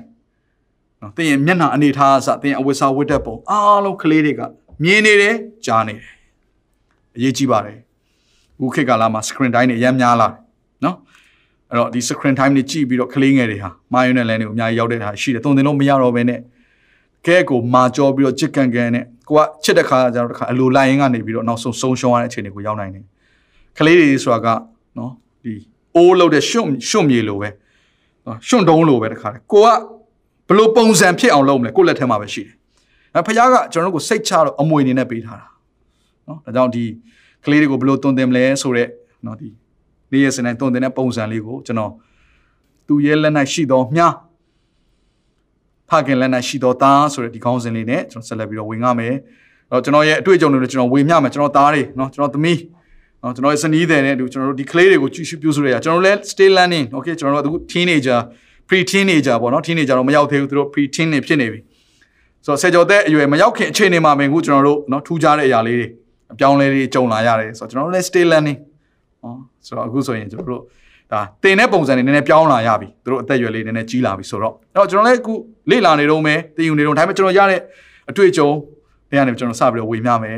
နောက်တစ်ခုထူးခြားတဲ့အရာတစ်ခုကတော့ဒီနေ့မှာဖခင်များနေမှာကျွန်တော်ရဲ့သားကလည်းဒန်နီယယ်ကလည်းနော်ညနေ9:00နာရီစီစဉ်မှာသူကကဘာဦးကျန်းကိုစပြီးတော့ဝေမျှမှာဖြစ်တယ်အင်္ဂလိပ်လိုဝေမျှမှာဖြစ်တယ်ဆိုတော့တကယ်ကို animation တွေပါတယ်နဲ့เนาะ design တွေပါတယ်နဲ့ media ထင်ရလည်းပြင်ဆင်ထားတယ်ဆိုတော့သင်တို့သားသမီးတွေလည်းအင်တာမှာအကျိုးရှိမှာဖြစ်တယ်အခုလိုမျိုးကျွန်တော်ကလည်းနှုတ်ကပတ်တော်ဝင်ကကျွန်တော်သား ခါလဲကျွန်တော်ရဲ့သမီးရဲ့တချင်းဆိုเนาะကျွန်တော်ကျွန်တော်သားတယောက်ဆိုသူကเนาะ KB သူက KB လေ့ကျင့်သူကကွန်ပျူတာဒီဇိုင်းတွေသူကစိတ်ဝင်စားတယ်ဆိုတော့သူက graphic design တွေသူစဆွဲနေပြီဆိုတော့မကြခင်မှာအခုเนาะကျွန်တော်တို့အသင်းတော်မှာလည်းသူကဒီဇိုင်နာဖြစ်ပါလာတော့မယ်ကျွန်တော်သားအလက်ကဆိုတော့နော်အခုကျွန်တော်သမီးရလဲတချင်းဒီဆိုကြရဖျားကိုချီးမွမ်းတယ်ကျွန်တော်ဇနီးတွေကလည်းနှုတ်ကပတ်တော်ဝင်ကတချင်းဒီဆိုချင်းရမြဖျားချီးမွမ်းတယ်ဆိုတော့ဒါတွေအားလုံးပေါ်ထွက်လာတဲ့အရာဒီနေချင်းညချင်းပေါ်ထွက်လာတာမဟုတ်ဘဲနဲ့ ကျွန်တော်မိသားစုမှာဖျားရှင်အလိုတော်နဲ့အညီအချိန်ယူပြီးတော့တိဆောက်ပြီးတော့အမားတွေအများကြီးလုပ်ခဲ့ပါတယ်ဒါပေမဲ့အမားတွေကိုတစ်ခါတည်းကျွန်တော်ပြန်ပြီးတော့နော်ဖျားရဲ့နီလန်းနဲ့မှန်တဲ့ຢာတွေဖြစ်အောင်လှုပ်ဆောင်ရင်းကနေပြီးတော့တိဆောက်လာတာဖြစ်တဲ့ကြောင့်လို့ဒီအတွေ့အကြုံတွေကိုလည်းကျွန်တော်အနေနဲ့နိုင်ငံဝေမျှခြင်းပါတယ်လို့ဘာပဲဖြစ်ဖြစ်ဒီမနေ့မှာခံစားရတဲ့ကြားရတဲ့နှုတ်ကပတ်တော်အဖြစ်မိသားစုဝင်တယောက်စီတိုင်းအထူးသဖြင့်ဖခင်များတိဆောက်ခြင်းရှိမယ်လို့ယုံကြည်ပါတယ်။ယုံကြည်ခြင်းခြေလှမ်းတွေစပြီးတော့လှမ်းပြီးတော့သင်မိသားစုကယ်နှုတ်ရအောင်ဘုရားရှင်သင်ကို သူရဲ့ကောင်းကြီးပေးပါစေ။ Happy Father's Day to you all. ဒီအစီအစဉ်လေးအပြင်သင်ရဲ့အသက်တာမှာကောင်းကြီးဖြစ်မယ်ဆိုတာကိုကျွန်တော်ယုံကြည်ပါတယ်ဗီဒီယိုကြည့်ပြီးခံယူလို့သူများအတွက်အပတ်စဉ်တရားဟောခြင်းများ Bible Study ကြီးမွန်ကိုယ်ွယ်ခြင်းနဲ့အခြားသောအကြောင်းအရာတွေဟာသင်အတွက်အဆင်သင့်ရှိနေပါတယ် YouTube မှာ The City Space TV လို့ရိုက်ထည့်လိုက်တဲ့အခါ ကျွန်တော်တို့ကိုတွေ့ရှိမှာဖြစ်ပါတယ် Subscribe လုပ်ခြင်းအပြင်သင်နဲ့ထက်ချက်မကွာအမြင်ရှိနေပါပါဒါအပြင် Facebook မှာလည်း The City ရန်ကုန်လို့ရိုက်ထည့်လိုက်တဲ့အခါတည်င်းအချက်အလက်နဲ့ poster တွေကိုအချိန်နဲ့တပြေးညီတွေ့ရှိအောင်မှာဖြစ်ပါတယ်ခင်ဗျာ The City Podcast ကိုနားထောင်ကြတိုင်းဖျားသခင်ရဲ့ထူကြသောဖွင့်ပြချက်နဲ့ကောင်းကြီးမင်္ဂလာများခံစားမိကြောင်းကျွန်တော်ဆုတောင်းရင်ဒီ season လေးကိုဒီမှာပဲညှိနှိုင်းပါရစေခင်ဗျာ